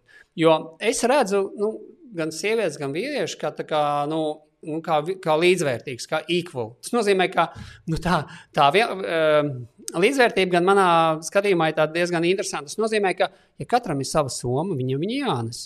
Ja? Un, un, un tas nav, nav tas, ka es neesmu ījūtīgs vai kaut ko tādu, nu, atnāk tev palīdzēt, panest somu vēl kaut ko. Tas mans skats ir tāds, ka nu, tev tā sava cīņa ir jācīna līdz galam. Nu, un tas gals, kad pienāk, nu, gals ir tad, kad tu vairs nevari paiet un nevari panest. Nu, tad, protams, mūsu komandas interesēs ir tev palīdzēt. Bet tas nav tā, ka es tagad kā džentlmenis palīdzēšu tev, lai tev ir vieglāk. Nu, dzīvē tas ļoti tiek novērtēts, bet man liekas, ka, nu, ja tu dodies tādā ekspedīcijā vai ceļojumā, man liekas, nu, kaut kāds mērķis tev ir tomēr tā, tik skaidrībā ar sevi. Ja? Un, protams, meitenēm parasti tur ir mazāks svars kā puišiem, bet tur mums jā, arī dažreiz ir tāda, nu, kad. Nu, Jo, piemēram, ja tu to nedari un cits dara, tad man, nu, jā, redzi, tas vadītājs ir pilnīgi neempātisks. Viņam pilnīgi vienalga, kā es jūtos. Es te. un, nu, bet tā nav. Redz, kā, nu, man ir cits skatījums, ka tev ir tavs ceļš, un ja tev nu, patiešām ir tā, ka tu nevari vai vēl kaut kā, vai es varu arī uzprasīt, uzprasīt nevis tikai, nu, nu nāc, paņemšu tev somijā. Varbūt viņai ir uh, grūti tev atteikt, jo tu esi pieklājīgs. Ja? Nu, tas ir par to, nu, kur arī es redzu, ka uh, neatkarīgi no dzimuma, no vecuma, mums katram ir savā Nu, cīņa varbūt skan skaļi, bet savu iespēju kaut ko jaunu ieraudzīt. Un, ja tu to kā, paņem ar kaut kādu uztājas notušē vai, vai, vai, vai pie, piekrāso, nu, tad tu paņem no to iespēju. Tas ir, tas ir lāča pakalpojums. Tas stāsts, es neesmu pārliecināts, vai es viņu pagājušajā jau nestāstīju, bet nu nekas, viņš ir spēcīgs stāsts par tām pieredzēm, kas mūs ierobežo. Un, Un viņš man liekas, ir nu, plašāk arī par to dzimumu lomu vai to, kā mēs esam audzināti. Mums bija Katalonijā uh, piedzīvojuma ekspedīcija. Un Katalonija ir tāda, nu, faktiski visas piedzīvojuma ekspedīcijas mums ir tādas, kas tam mēģina, jo mēs paši braucam uz to valsti, un mēs izpētām tās vietas, un mēs saliekam to programmu no dažādām aktivitātēm. Un Katalonijā viena no aktivitātēm ir divu dienu pārgājiens uz augstāko Katalonijas virsotni, man liekas, 3100 kaut kas. Nu, kas sakā cilvēkiem, kas nav bijuši kalnos, nu, tas ir augstums. Jo parasti tur arī sniegs ir un tur klintis. Un, un tad mēs tos cilvēkus sadalām grupās pa, pa četri. Un viņi iet paši. Mēs tā kā lejā, lejā atvedam busiņu, un mēs pasakām, ok, re, kur jums karte, šitien mēs vakarā tiekamies visi. Un, tad, protams, cilvēks saka, kā, a, kas jau mēs nomeldamies? Sakām, nu tad, re, kur jums ir savs tēns, jums ir savs prīmus, jums ir uh, ēdamais, jūs vienkārši uztaisat naktsmītu un vakarā nākat lejā pie busi, jūs apmāties. Es tev ir scenāriji atrunāti. Bet tur ir tas, ko es saku ļoti svarīgi, nu, bez kā es to nedarītu. Man vajag to, nu, to īstenības momentu kas nav tā, ka te paņems pie rokas, uzvedīs kalnā. Nu, ko tur? Nu, tur nav garšas. Nu, bet mēs tiekamies starp nometnē, mēs netiekamies virsotnē, jo tur ir bijis jau tā kā tehniski sarežģītāk. Nu, jā, un tad vienā no meitenēm bija divi puiši, divas meitenes. Un, nu, viņiem visiem ir jānes tas, ko es saku, nu, tās savas lietas, lai varētu nakšņot un, un pārtika visu. Un, nu, parasti jau tā kā, nu, nu, kas arī loģiski, večiem tomēr tā, tā, tā masa viss kā, tomēr, no dabas ir bijusi vairāk, viņi paņem vairāk. Ja? Un, man liekas, tajā gadījumā tā, ka, nu, bija džentlmeņi apmēram pateica, ka nu, mēs visu nesīsim. Jums, meitenes, neko nevajag nest, baudiet. Ja? Nu, neko viņi iet, bet nu, iet jau pret kalnu. Nu, tur normāli, tur iet pret kalnu, iet pret kalnu, iet pret kalnu. Un kaut kā te puikas sāk iepalikt. Nu, viens rītīgi sāk iepalikt. Jā, nu, neko nu, viņš iet. Viņam, viņam nabagām grūti, jo ikdienā viņam tādas slodzes nav. Viņš varbūt tur vēl nedaudz liekais veidariņš. Nu, nu, nevar paiet. Viņš jūt, ka ir grūti, bet nu, viņš ir vecis. Nu, vecim taču jāvar. Viņam visu bērnību to mācīja, ka puikas neraud. Ja? Ko, nu, jā. un, um, nu, tad vienā brīdī vienkārši viņš tā iepaliek, kad pienāk nu, meitene vārdā baiva. Viņš saka, nu, klausies, Andris, to somu var panest. Viņš tā kā, nu, nē, nu, ka tu tur esi taču, jā, nu, tu vēl kaut kādu pusstundu pamokās, bet jūt, nu, ka nāk mirstamais virsū. Nu, nu neko, nu, baiba ņem un švilpodama nes somu. Izrādās, baiba dejo tautas dejas, viņi, uf, viņi jūtās labi. Un, un kā es saku, viņam, viņam nu, kā es šo visu zinu, jo, redz, mūsu ekspedīcijās, Mēs strādājam ar, ar, ar adventure terapiju metodi, kas ir piedzīvojumu terapija. Tas nozīmē, ka tur ir terapeitisks nolūks. Tur, tur neviens nav uh, nu, slims vai vēl kaut kā, bet no tās pieredzes tu vari dabūt kaut ko priekš ikdienas. Un viņš tagad atnāca lejā, un mēs grupā runājām par to, izstāstījām, kā gāja. Viņš teica, ka priekš viņam arī tā pasaule sabruka faktiski, jo viņš saprata, ka ir brīži, kad vīrieši ir vājāki par sievietēm. Hmm. Nu, man tas baigi nepārsteidz. Es pieļauju, ka ir tādi brīži, ja? bet nu, priekš viņa tas bija tā, kā, nu, saprot, pasaules sabrūk vienkārši pēkšņi. Ja? Un tu redzi, kā baigiņa dziedādama aiziet tavu somijā vienkārši. Tu vienkārši ja?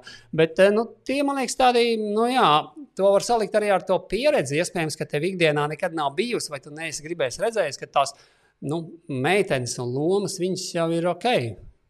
Un es ātri vēl vienu piemēru mums no biznesa vidas. Mēs arī strādājam ar augstajām zemajām virvēm. Un tad ir tāds uzdevums augstās virves um, jēkab kāpnes.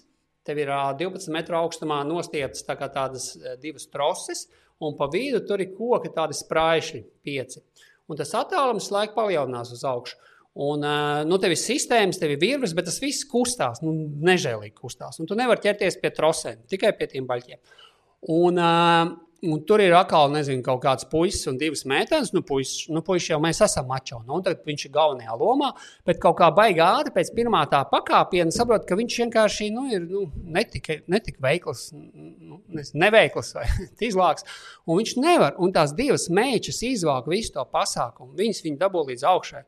Un, un kur, kur bija, tur bija tāds daudz jaudīgāks tas, tas, tas mindshifts, ka viņi strādā kopā biznesā. Un, un tas, man liekas, puisis bija kaut kāda vadības pozīcija. Un viņš teica, pēc tam, viņš teica, wow.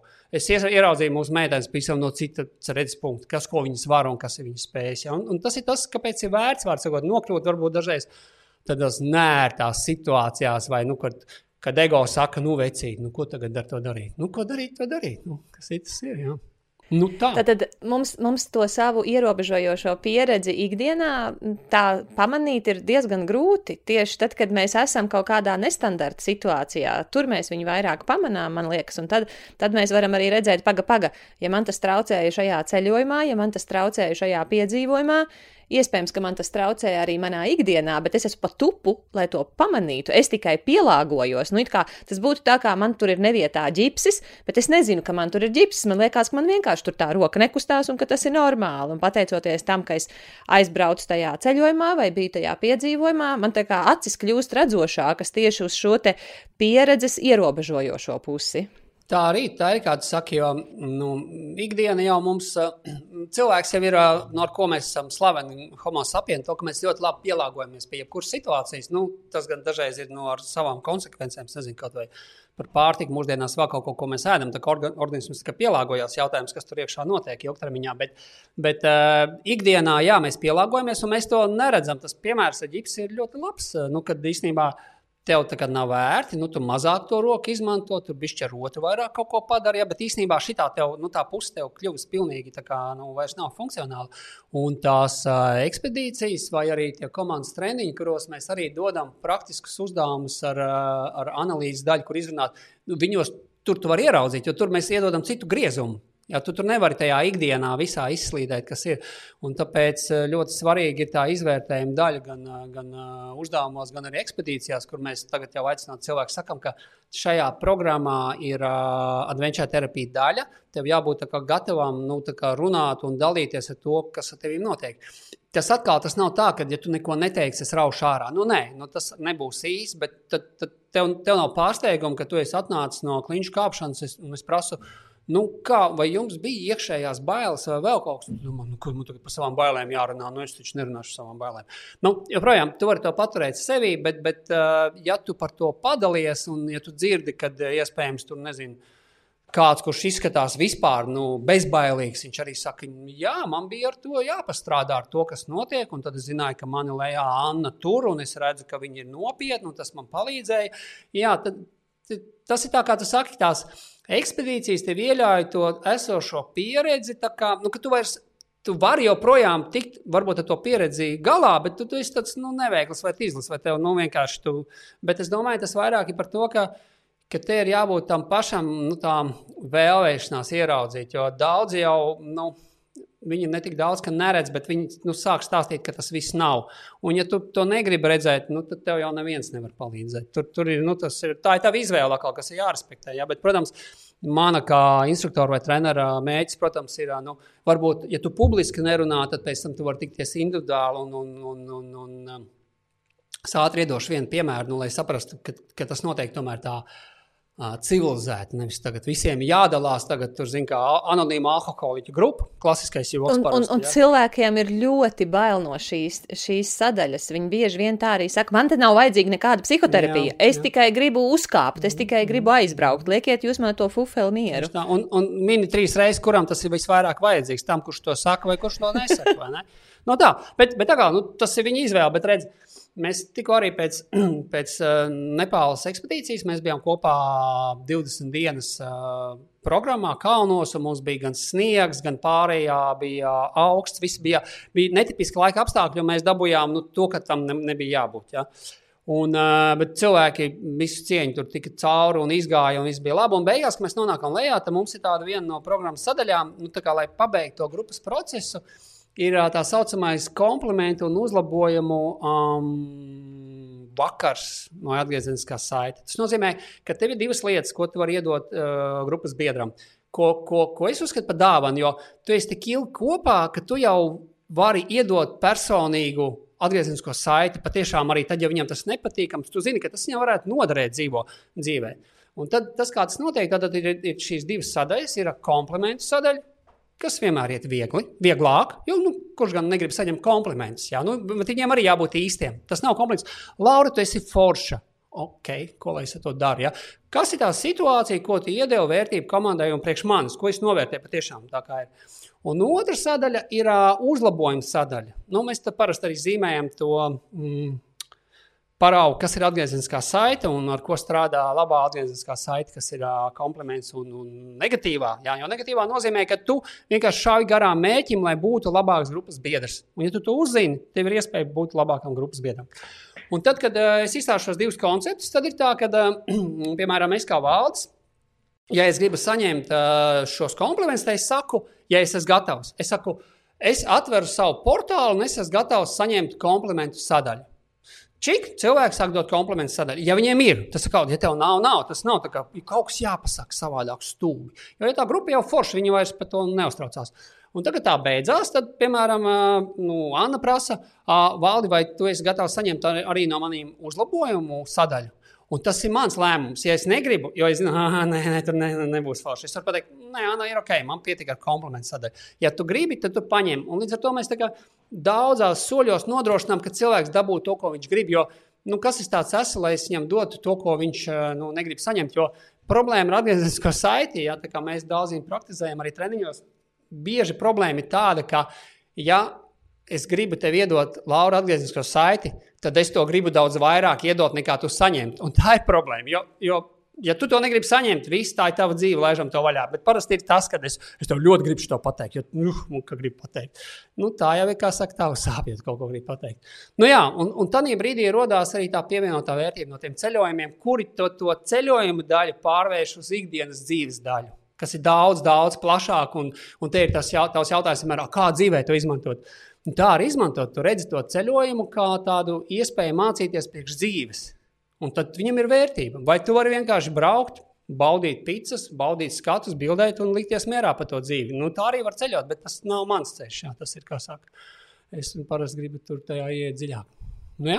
jā, mūsu, mūsu ģimenē mēs arī, tad, kad mēs dodamies kaut kādā ceļojumā, un tas varbūt tepat tās pa Eiropu arī, un tad um, arī, kad mēs atbraucam atpakaļ, mēs parasti jautājam sev, uh, kas bija ritīgi forši, nu tā kā, lai mēs nākošais to visu varam atkal izmantot, kur mēs bijām forši, kur, piemēram, bērni bija forši, un uh, viņiem arī to stāstam, un tad, kas bija tās lietas, ko mēs gribam uzlabot. Un tad vēl mēs arī skatāmies, nu, jā, kā mēs esam mainījušies pateicoties tam, ka mums bija šis ceļojums, lai nav tā, ka vienkārši vienkārši nu, aizbraucām, pagulējām. Ja mērķis ir tiešām pasust pie, pie ūdens saulītē, tā arī mēs zinām, tas ir tikai tas. Bet, ja tas ir ceļojums, kas mūs bagātina kā cilvēkus, kā, nu, kā spējīgus cilvēkus, tad uh, tikai tā atskatīšanās, tā reflektēšana ir tā, kas patiešām iedod tādu nu, retīgi dziļāku vērtību. Bet tu teici, ka viena lieta, tas, kas cilvēkiem traucē ceļojumos un vispār piedzīvojumos, ir pretenzijas pret dzīvi. Nu, pa dzīvi arī traucē. Vai tu vari par šo pastāstīt, lūdzu? Nu, jā, nu, kurā viņas nav, vai ne? Pret dzīvi pretenzijas. nu, mēs tik domājam, jā, ka mums jā. viņa nav tā, laikam. Es, piemēram, nu, par šo arī domāju, es pats to, to tēmu izšpļāvu, un, un, un, un ceļojumos man ar to ir baigi ok. Bet es, piemēram, domāju, ka nu, man, nu, man ikdienā ir ļoti daudz pretenzijas. Nu, pret dzīvi, nu, bērnu sadaļā, ja, kad es liekas, viņi varētu to darīt, to darīt, to darīt. Un tas kaut kādā brīdī jau kļūst tā, ka, jā, ka tev ir nu, jāsāk palaist kaut ko vaļā. Atkal, nu, vecākiem jau ir jāaudzina tie bērni, vai ne? Un līdz ar, to, līdz ar to kaut kāda tā vizīte jāievieš, bet, nu, ja tās pretenzijas kļūst jau tādas, ka, nu, kā arī sieva saka, viņa saka, tu šovakar jau tā kā jau četras reizes jau aizrādi līvai. Tas tā kā nav ok, tad, kā, ok, nu, jā, tas varbūt bija jau pa daudz. Bet par tām pretenzijām pret dzīvi ceļojot, mm, nu, atkal tas, tas, ko es redzu, ja es tikko atbraucu, kur es arī parādīju no Nepāles, jau teicu. Un uh, gribēju palielināties ar tēkraktu. Viņam ir īstenībā unikālākais karoks pasaulē, jo viņš, uh, viņš ir tāds. Uh, Es ar tādiem diviem, diviem kuriem nevienam citam. Tā kā divi, trīs. Jā, es nevienam neesmu redzējis kaut ko tādu interesantu, jāpapēta vēsturi. Un, redz, Nepāla ir ar ko foršākām, nu, man, man forša. Tu aizbrauc uz turieni, un tu, piemēram, piemēram tu uzzini, ka divos kvadrātmetros var ielikt toaletes podu, dušu un izlietni. Un tas viss strādā. Nu, tas viss strādā, nu, kā tu tur strādāji, ja viss labs un viss, jā, bet tu dabūsi siltu dušu, tu vari aiziet uz to lietu, var iztīrīt zobus. Ja?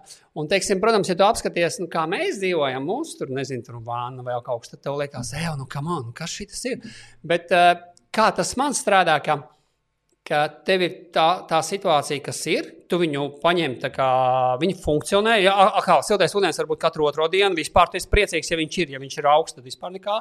Un tad vienkārši atgriežoties mājās, uh, tomēr mēs dzīvojam Eiropā un civilizēti, un tu saproti, cik labi mēs dzīvojam. Un tad šeit tās manas pretenzijas pret dzīvi, viņas rītīgi, nu, viņu faktiski, nu, es negribu teikt, ka nav, bet tādā sadzīviskā līmenī es, es kļūstu daudz, daudz pieņemošāks. Tāpēc, vienmēr tas eh, vienkāršais nu, ieteikums, ja jūs gribat kā, samazināt, esat gatavi jā, iet to nu, nosacīt nekomfortablo ceļu, aizbraucot tur, un jūs ar to tiekat cauri. Šeit jūs vienkārši tā kā dzīve, wow, super, vienkārši. Ja, jo mēs arī bijām kalnos un, un Himalajos, un tagad, tu uzkāp augstu, augstu, nu, tur vispār nu, kāda duša nav duša.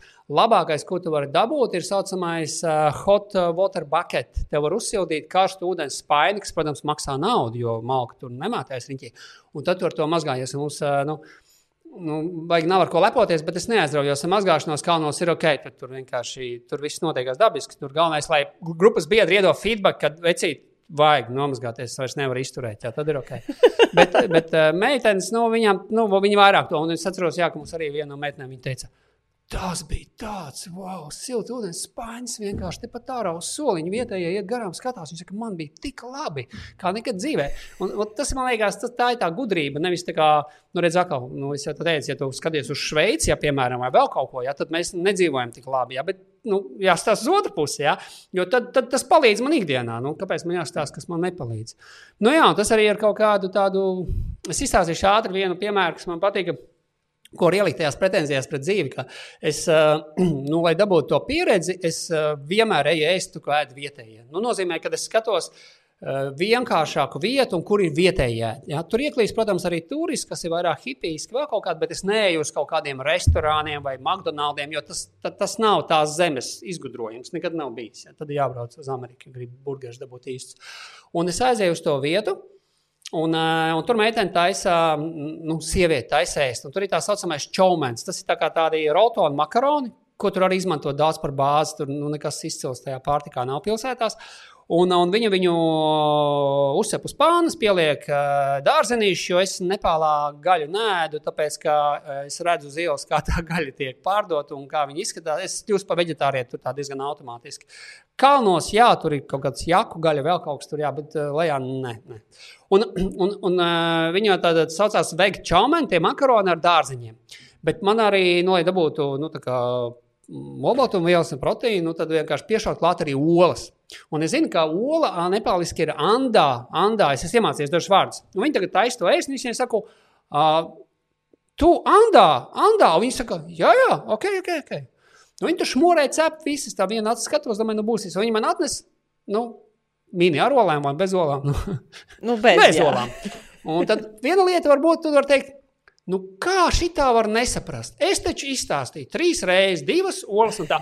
Bet man, eh, tā kā nu, es strādāju arī no, ar, ar, kom, ar komandām, tad es kaut kā dabiski vienmēr visas komunikācijas fails paņemu uz sevi. Jo, ja, ja mhm. cilvēks nav sapratis, nu, tad es nemācīju izstāstīt. Un es tagad, nu, nav tā, ka es liekos mierā, es domāju, tā, kaut kas tur nebija. Jo, nezinu, kā citur, bet Nepālā viņiem tu kaut ko pasaki, un viņi dara šitā. Viņi saka, ok, ok.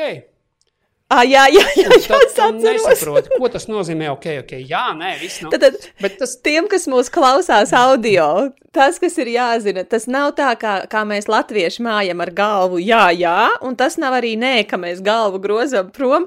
Tas ir tā kā galvas augšpuse šūpo uz sāniem. Ok. Un tad Un sākumā mēs, mēs automātiski to pieņemam par jā, bet tas nozīmē vairāk. Es dzirdēju, ka tu man kaut ko teici. Jā, jā, kāds būs iznākums, ej, tu sazini. jā, mums tas arī grupā bija bai, nu, joks, kad eh, mēs cilvēki arī sāk jau beigās jau, jau, jau izbaudīt to. Viņi saka, ko, ko nozīmē šis ok, ok. Nu, to arī nozīmē, neko tas nenozīmē. Ja tu gribi vienkārši, varbūt būs, varbūt nebūs, varbūt jā, varbūt nē. Nu, tas, nu, viņš, viņš saņēma signālu, jā, signāls saņēma. Jā, es, dzird, es dzirdēju, ka tu kaut ko jā. teici nu, jā, un es tagad uh, saprotu, nu, okay, ko darīt. Un tagad es staigāju pa Nepālu, pat, kad man dodas, skatos, o, vīriņš pārdod olas. Es domāju, ok, nu vismaz varētu uztaisīt bildi. Es pieeju, saku, es varu nofotografēt to olas. Viņš tā jocīgi apstāsta. Viņš saka, nu jā, es nobildēju tās olas. Es aizēju vēlreiz pie tās tādas, nu viņš tur gāja regulāri ēst. Es viņai parādu olas. Es saku, nu rādu olas divas. Viņš saka, ok, ok. Un tad es sēžu un gaidu, jo es nezinu, būs vai nebūs. Un bija, protams, tāpēc, ka nokal tu atradi kanālu, kā to pateikt. Bet, uh, ko, par ko es šo runāju, ka bieži arī tad, ja mēs aizbraucam uz citām valstīm, nu, varbūt uh, Eiropā tas nav tik izteikti, bet tik un tā varbūt pārstien. Un mēs nedabūjam to, kas mums ir. Mums ir tas tā pretenzija pret dzīvi, ka viņš nesaprata, vai viņš speciāli neiedeva, vai viņam ir žēl. Nu, visi tie scenāriji, kas liekas, wow, no kurienes šis viss, ja? kad nu, mums, piemēram, arī Nepālā bija, kad mēs vienu vakaru ēdam. Un, un vietējiem atnes kaut kādu citu ēdienu, kā mums. Un, un cilvēki arī grupā saka, oh, apsies, viņi ēd kaut ko citu, mums nedod. Es saku, nu kā nedod, uzprasa, iedos. Nu, Respektīvi, tā bija tā, tā rietumnieku domāšana, ka tev kaut ko nedod, tāpēc, ka nedod. Bet viņiem, mm, es arī par to domāju, tur redz, ja tu brauc uz citām valstīm, ir baigi interesanti. Jo viņiem nestrādā tā domāšana, kas mums ir savādāk, to visu redz. Es pat nezinu, kā. Bet tas mans, nu, tas mans minējums ir tāds, ka vienmēr brauc turisti, tik cik viņi brauc. Viņi ēd dalbatu, viņi ēd čaumenu, viņi ēd, uh, nezinu, tibetiem bredi. Tas ir tas, ko viņi ēd. Un šito es viņam piedāvāju, jo kā es varu zināt, ka viņi ēd kaut ko citu. Ja? Un tieši tik vienkārši, un ja tu aizēji un beigās jau bija forši, jau, jo tas arī tā mana misija tiem cilvēkiem, kas brauc uz Nepālu, iedot viņiem to, nu, to sajūtu, kā ar Nepālā, ka tu vari pats patstāvīgi jau uh, reaģēt. Un, un tā viena lieta, kas bija, kad beigās jau cilvēki vienkārši kaut ko skatās, vietējie kaut ko dzer, tur, kaut kādu vietējo raudzējumu. Un, un, tur puisis mums bija tāds liels augums, Toms. Viņš pieiet, viņš iebaksta pirkstu, viņš saka, es gribu šito te. Viņam atnesa šo te, jo viņš baigi, nu, tur jau grūti pārprast, tur šito te gribu. Un viņi jau dalās labprāt. Vienkārši viņiem, nu, jā, viņiem nav tā faila, ka varētu viņiem piedāvāt. Nu, tas ir mūsu Eiropiešu domāšana. Viņiem tāds nav. Nu, jā, redz, tas viss tāds. Un tas rada kaut kādas pretenzijas pret dzīvi, ka tev liekas, ka tevi apdala vai vēl kaut ko. Un, nu, jā, viss, es, nu, es cenšos to visu, ja man arī uzsita, es laižu uz to garām, jo viņš dod man pašam tikai kaut kādus uzslāņojumus. Nu, no tā nav nekāda labuma. Mm. Es, es zinu, ka vēl bez ēšanas, kas ir tāds viens, kur mēs konstatējam, bācis, man tiešām varētu būt pārāk daudz pretenziju pret dzīvi, un kas man var arī reāli traucēt. Otrs vēl ir gulēšana. Jā, jā. Mums, mums ar Mišelu, kad mēs pirms, nu, pirms vēl bērni mums bija, kad mēs ceļojām pa Indiju, un mēs ceļojām tādā hardcore variantā ar svētceļnieku grupu. nu, tas ir tik vienkārši, cik vien, cik vien vienkārši var būt. Un, tas lielais ieguvums bija, ka pēc tā, kā es tur uz vietas lamājos, nu ne jau tā, ka grupa dzird, bet es lamājos tā, ka Mišels dzird, jā, kādos apstākļos mums ir jāguļ, ka tur praktiski tu guli nu, tā kā uz dēļa bez maz vai sanāk, vai ne? Bet tas iegums bija tāds, ka es atbraucu atpakaļ uz, eh, uz mājām, un mēs vēl nebijām ienākuši pa dzīvokļu durvīm. Mēs zinājām, mēs esam citi cilvēki. Mēs esam citi cilvēki ar to, kā tā pieredze mūs ir izmainījusi. Un tagad man var piedāvāt gulēt nu, ļoti, ļoti tādos briesmīgi prastos apstākļos, un man būs tas ir vienalga labāk nekā es redzēju Indijā uz ielas. Sievieti guļam vienkārši uz asfalta un apsedzamies ar lakatu. Un tāda bija viņai katra nakts. Jā, jā. Un tev es saprotu, tādas pieredzes ar gulēšanu arī ir gana daudz, un ne tikai, ne tikai Āzijā, bet arī Eiropā. Ja? Jā, nu, jā, tas, ko tu saki, pirmais, tu novērtē to, kas tev ir, un tu redz, kā cilvēki dzīvo. Un tas ir viens ir par gulēšanu, bet arī par to pārtiku, sevišķi augšā kalnos. Tur tā dzīve ir ļoti vienkārša. Viņi ēd faktiski visu laiku vienu un to pašu ēdienu rīsus ar tādu mērcītu, un ja ir kaut kāda zaļuma. Un, un tur nav tāds baisais variētī, ko viņi tagad nu, nav vienkārši. Ja? Un tad tu īstenībā jā, tu sāc novērtēt to dzīvi, kas ir lejā. Un, un, un varbūt tā, tas lielākais nu, moments ir, kad tu redzi, ka pie tā visa, kā viņi dzīvo, tā viņu pašpietiekamība un tas, kā viņi ir, ir, ir daudz lielāka nekā daudz, daudz vairāk laimīgs sejas kā mums uz ielas. Ja? Restīvi, ne jau tajā daudzumā vai vēl kaut kur ir tā laime, viņi ir kaut kur citur. Bet par gulēšanu, nu, jā, nu, nu Nepālā man ir nu, tas mans koncepts, ir tāds, pirmkārt, tīri no budžeta viedokļa. Tur ir tā, ka tu vari gulēt, nezinu, varbūt pat 3 eiro, tu vari gulēt pat 10 eiro. Es teiktu, ka starpības tur nav tajā, tajā visā, kā tur guli. Varbūt palāk būs izmazgāta, varbūt nebūs. Istaba varbūt būs izmazgāta, varbūt nebūs. Varbūt, ja tu guli jau tur par 20, 30, 40 eiro, tur būs starpība, bet ne tā kā Eiropā. Bet man vienmēr ir jautājums, nu, kāpēc es braucu uz Katmandu, lai gulētu tur par 40 eiro viesnīcā, nu, ja es gribu to valsts sajust un izbaudīt. Un, protams, nu, tas prasa zināmu tādu treniņu vai acu pievēršanu par to, kā tur izskatās. Ja, kad, bet tur atkal tas pats kā ar tām olām, ka nu, tu uzēji augšā, nu, tu redzi, kāda ir istaba. Nu, viņa nav tīra. Nu, tad noelējā, tu viņam saki, izmazgājiet man istabu. Viņi varbūt saka, mēs jau izmazgājām. Tu saki, mm, izmazgājiet vēlreiz. Nu, tā, tā kā nu, tu, nu, tā kā to var runāt. Tad tādā ziņā ir visi cilvēki tādi, nu, neviens tev nepat, nepateiks, tu man maksā 2 eiro nemazgāšanu. Nē, nē, nē, viņiem, nu, tā kā turists vai, vai nu, braucējs ir zelta vērtē. Ja to kā var nokomunicēt. Bet, protams, nu, tā, tie pamata apstākļi. Piemēram, man ir, mēs nācām lejā no kalniem, un es sarunāju, palikt pie vienas šarpa ģimenes mājās. Viņiem ir viņiem tas iekārtojums tāds, ka ir atvērts kamīns, kur viņi taisa ēst. Tur ļoti forši vakarā tu sēdi, uguntiņa kūrās, taisa ēst, ir omulīgi. Nu, tā baigi forši. Un, un tur arī parasti, kad brauc viesi, tad, manuprāt, viņi tur guļ. Tur ir tāds gūts vietas. Un es uh, sarunāju tur palikt, jo tā, tas mans, uh, nu, tā mana vērtība skala ir drosmīgi vienkārši. Tev ir vienos kausos, tev ir komforts, otrā tev ir uh, autentiskums. Un es vienmēr došu par labu autentiskumam, kā komfortam. Vienmēr. Tur man nav divu domu. Vienkārši. Nu, tāpēc, ka komfortu var dabūt jebkur, jā, autentiskumu nē. Un tad mēs paliekam gulēt tajā, tajā, tajā viņu mājā. Un uh, panākti uh, Anna iet kaut kur ārā, nu, iet ārā, tur vai panākt iet ārā, un viņi tur kaut kur atspiežās galdiņu, tas galdiņš sabrūk, tur kaut kas nokrīt, tur kaut kas sagrakšķi, virs galvas tur jau tā tāds mazs, tā kā, nu, uh, budismu, tā kā, nu, templīts, bet kā vieta, kur viņi lūzo kaut ko tur labi, ka tas nesabruka, nu, neko visu, un viņai no rīta kaut kas pazūd. Un mēs tā kā domājam, jāsameklē kaut kas tas viss. Lūk, tur mēs skatāmies zem tām gultām, un zem gultām ir viss, kas ir tajā mājas vēsturē. Tur nekad nav tīrīts. Tu vienkārši redzot par to, kas tur ir. Un tu, tu tā domā, wow! Un tad es atceros, kā es teiksim, biju bērns dresē par to, ka trīs putekļi zem skāpja. Nu, tur, tur ir cits līmenis, bet, bet tu vienkārši saproti, Var arī tā, un neviens nemirst. Ja? Nu tā, bet, nu, tas ir tāds kā nu, tur, tur, tur, nu, ekstrēms, bet vienu nakti palikt, saprast, kā tur ir, kā cilvēki dzīvo. Un tad tur ir kaut kādas divu pāri salauztas saulesbrīles, tur trīs zeķes, vēl kaut kur putekļu kā. Nu, viss tur ir vienkārši, tu ieraugi tā, opā. nu, tā. Nu, tā vienkārši, nu, redz, atkal dažam liekas, nu, tas ir briesmīgi, ko tur līst. Ja tu vari nomirt no kaut kādām infekcijām, vēl kaut ko iespējams, bet, nu, nezinu, nu, es esmu dzīvs joprojām, jau viss kārtībā, un cilvēki arī salīdzinoši tur ir daudz veselīgāki par mums. Jā. Nu, tas, tā. tas Āzijā, nu, kā jā. tur ar to Portugāli, ko tu teici, jā, ka tev nu, stāsts par nakšņošanu? Jā, nu, tā kā mēs ceļojam, programmas ir arī, ir arī uh, pa visu Eiropu, un, un Āzija ir specifiskāk, jo tur ir Himalaja, un tur ir tikai iešana kalnos, tad, tad citur ir tā programma ir tāda raibāka, tur ir gan, gan kliņškāpšana, gan vieferātas, gan riverboards, gan riteņi. Un, um, nu, tā pieeja mums ir joprojām iedot tiem cilvēkiem pieredzi, kas viņus nu, nu, ja tā var teikt, nedaudz izsviež no laivas. Un, piemēram, viena no pieredzēm, ko mēs izmantojam Portugālē, mēs eh, braucam pa to valsti, pa Ziemeļu Portugālu vairāk. Un mēs guļam uh, vienkārši nu, nevis kempingos, tāpēc, ka kempingos gulēt, nu, atkal to var visi. Ja? Portugālē tu vari negulēt arī kempingos, jo tas nav nelegāli. Ja, sensitīvi vienmēr turās uz tās robežas starp legālu un nelegālu. Mēs nedarām nelegālas lietas. Ja tur nav rakstīts, ka nevar to darīt, mēs to darām, jo tas tur nav rakstīts. Pamēģināt to izpildīt Vācijā vai Šveicē, ātri dabūsi, ja tu ko dabūsi. Ja, tur skaidrs, cits stāsts. Bet Portugālē tā zeme un cilvēki ir atsaucīgi. Iespējams, ka tu varbūt tur gulēt, tur nav forši sliktākā gadījumā atbrauks policists, aprunāsies ar tevi, sapratīs tev, atļaus gulēt, neatļaus. Nu, viss tāds sarunu veidā. Mēs guļam zem tāda nu, plastikāta gabala, zem tenta. Tas nozīmē, ka viņš ir tā tāds jumtiņš, kurš nospiedz, nostiepts, un visi guļ vienkārši viens otram blakus. Daudz svaiga gaisa. Un, protams, ka cilvēki, no nu, atkal tie, kas nav izlasījuši to aprakstu, ja, nu, kas atbrauc, viņi tā kā, kas tas, nu, ir mūsu mājas, te mēs gulēsim. Ja? un tā kā, kā tā, nu, tā var?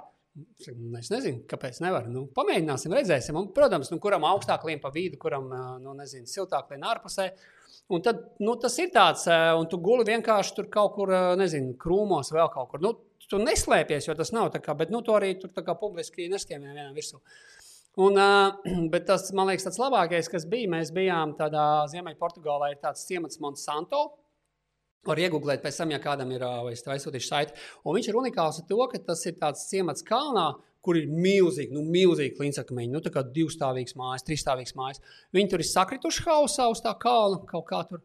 Un tie vietējie, o, tur es nezinu, kas viņiem ar to galvu ir noticis, vai kā populāri saka, mainstreamā, nezinu, ko viņi bija sapīpējušies, bet viņi ir sabūvējuši mājas starp tiem akmeņiem. Nu, iedomājieties, ka divas sienas no mājas ir apaļa akmeņa, un viņi ir iemūrējuši iekšā. Tur. Un tur tas pilnīgi surreālistisks, tāds hobitu ciemats, tāds staigātā, wow! Viņš ir UNESCO mantojums un tā. Un mēs braucam tur, protams, ka nav turisti. Mēs braucam nesezonā, kas ir agrs pavasaris, vēls rudens. Un, uh, nu, atkal, nu, palikt tur Airbnb un bija, nu, big deal, nu, kurš to nevar. Nu. Un tad mēs aizbraucām, pirmo reizi, kad mēs tur bijām. Paldies Dārtai Ansānai par to, ka viņa ieteica, ka ir tāda māja un mēs, tāda pilsēta, mēs aizbraucām. Un, nu, mēs sakām, nu, kaut kur jāpaliek pa nakti, un tad mēs meklējam, kur mēs varam ieslīdēt. Un tur vienā vietā ir tāda vieta, kur agrāk ir tur, turēti lopi, cūkas. Tad ir divi milzīgi akmeņi, viņi ir aizmūrēti ciet, un tur kā tu ieej iekšā, Tu ar tiem akmeņiem guli uz grīdas, tu vari gulēt. Un tur mēs pirmo nakti nonakšņojām ciemata vidū, nekurienē. No kā viss tur tā, oh, kā, ko un kā. Nu, protams, ir tā, tev iekšēji sitāts, bijis tāds adrenalīnijas, bet tā ir tā pieredze, nu, ko es tā kā redzu, un tā ir. Mm, Ko viņa dod? Viņa dod tādu atļaušanos darīt lietas savādāk. Jo projām tu nevienu neaizskar, tu neesi rupšs, tu neesi tur, nezinu, kaut ko, tu nevienu, nevienam pār nedari. Vienkārši tas ir, tas ir ok. Ja? Un, uh, man tikko es pabeidzu vienu programmu online, un tur bija ļoti interesants koncepts, ko es nebiju dzirdējis. Viņš saucās Brūls. Tu esi dzirdējis, kas ir brūlis? Nē, nē stāsti, ļoti gribu labs. zināt. Brūlis tas ir bullshit rules. Respektīvi, tā ideja ir, ka, nu, lai cik sabiedrība būtu forša un ir struktūrēta, un viņai arī jābūt kādai struktūrai, un ir policija, ir pašvaldības medicīna, forša tam visam jābūt. Bet ir ļoti daudz tā saucamās sabiedrības bullshit rules, kuras tā kā ir ģenerētas jau paudzēm, bet kuras, kā, nu, nezinu, nu, piemēram, nu, visi nu, lielā mērā kaut kādas pieklājības normas, piemēram, es nezinu, tur, kad um, pārtraukt cilvēks nav pieklājīgi. Jā, nav, bet ja es nesapratu, iespējams, ka es varu pārējot, tad, tad savādāk aizmirsīšu vai vēl kaut ko. Nu, Restīvi, tās ir kaut kādas lietas, kuras mūsos ir ieaudzinātas, ja ko mēs tā kā neatļaujamies vai vēl kaut ko. Un šis, teiksim, tā gulēšana kaut kur ir viena no lietām. Nu, pieklājīgi cilvēki tā nedara. Jā, nedara. Bet viņi ļoti daudz ko zaudē. Ja? Un tas ir tas, ka, nu, protams, vairāk tur ir par to, kā tas izskatīsies no malas. Ja? Bet atkal, starp to, kā izskatīsies un ko es iegūšu, ja mans iegūms ir lielāks par to, kāds izskatīšos, es piecietīšu. Ja? Nu, tur atkal jāsaprot, kāds personības stils tu esi. Un mums bija vienā no pēdējām Portugāles ekspedīcijām pirms šī visa viļņa. Es ļoti ceru, ka mēs rudenī atkal tur dosimies. Uh, bija meitene, kur vienkārši, nu, jā, kur bija arī biznesā diezgan nu, lomā. Visu viņa pateica, viņa pienāks, ka valdi piedod, es tur nevaru gulēt. Es saku, tev nav man jāatvainojas. Es pilnīgi saprotu tevi, nu, jo tā ideja ir drausmīgi skaista viņai jau ir iegūms, jo viņa braucot tur visu laiku domāja par to, kā tas būs, ja viņa gulēs. Kā, nu, viņai bija tik daudz procesu, galvā procesējās, ka viņa pēc tam ar vīru noīrēja vienkārši bija, bija vietu. Forši mēs gājām pie viņas vārījām ūdeni, vēl kaut ko tur. Un, un restīvi, viņa jau iegūta to procesu, bet viņai, ja tā pieredze kļūst tev traumējoša, nu, tad viņa nav laba. Viņai jānāk no tevis pašas. Ja, vienmēr Mūsu programmās tur ir speciāla metodoloģija, kā mēs strādājam, lai cilvēki nesatraumē sevi psiholoģiski, un nav tā, ka viņi nākošais to negrib darīt. Ja? Nu, lai tas nāk dabiski. Nu, jā, un daudz pēc tam atbrauc mājās, tur nu, tāds Kaspars no, no, no uh, Talsiem. Viņš saka, veicīt, forši, mēs tagad draudzīgi zem tiltu varam gulēt. Vispār ideāli. Nu. Nu, kad tev, tev paplašinās tas, ko tagad sauc par komforta zonu, bet palielinām, tu vairāk vari atļauties arī, sa, arī darbā, ģimenē. Nu, tu vienkārši jūties, nu, jā, ka tev, tev tās robežas nav, ko tev uzliek kaut kas pārējais. Tas, tas, kas paplašinās, ir tas krātiņš, kas mums ir galvā jā. ar to, ko es nedrīkstu, kas nav labi. Un, uh, ja tam bāze sākotnēji bija, ka, nu, labi, nu, vajag kaut kādu ētiku tomēr vai tur ievērot, tad mēs jau daudz kur vienkārši pārspīlējam. Un, un ja ceļot vēl kopā ar bērniem, man liekas, tad, tad tev pilnīgi tu, tu dabū brucināt tos savus iedomas, kas nav iespējams. Atceros pirms, laikam, diviem vai trim gadiem mēs bijām uh, Itālijā, Činkvetēra rajonā, un uh, mēs bijām peldējušies kārtīgi pa jūru, nu, un tagad dosimies pārgājienā. Kaut kā bija sanācis tā, ka mans bērns, es neatceros, cik viņam tad varēja būt gadi, vai seši vai septiņi, viņš iet un viņš brēc, ka viņam viss niez, jo izrādās mēs nebijām pamanījuši, ka viņš iepriekšējā vakarā nav pēc jūras aizgājis nu, nomazgāties. Viņš ar to jūras ūdeni tagad nāks, nāks un ies līdzi, un mēs esam uz ielas, un mums vēl ir mazais līdzi, ja, kurš pats par sevi jau ir liels brēkulis un, uh, un tagad vēl tas lielais sāk brēkt, un mums ir paredzēts visu dienu iet pa tiem, iet pa tiem kalniem. Un es vienkārši redzu, mēs ejam garām puķu veikalam, un tur onkulis ar šļūteni laista, laista puķis.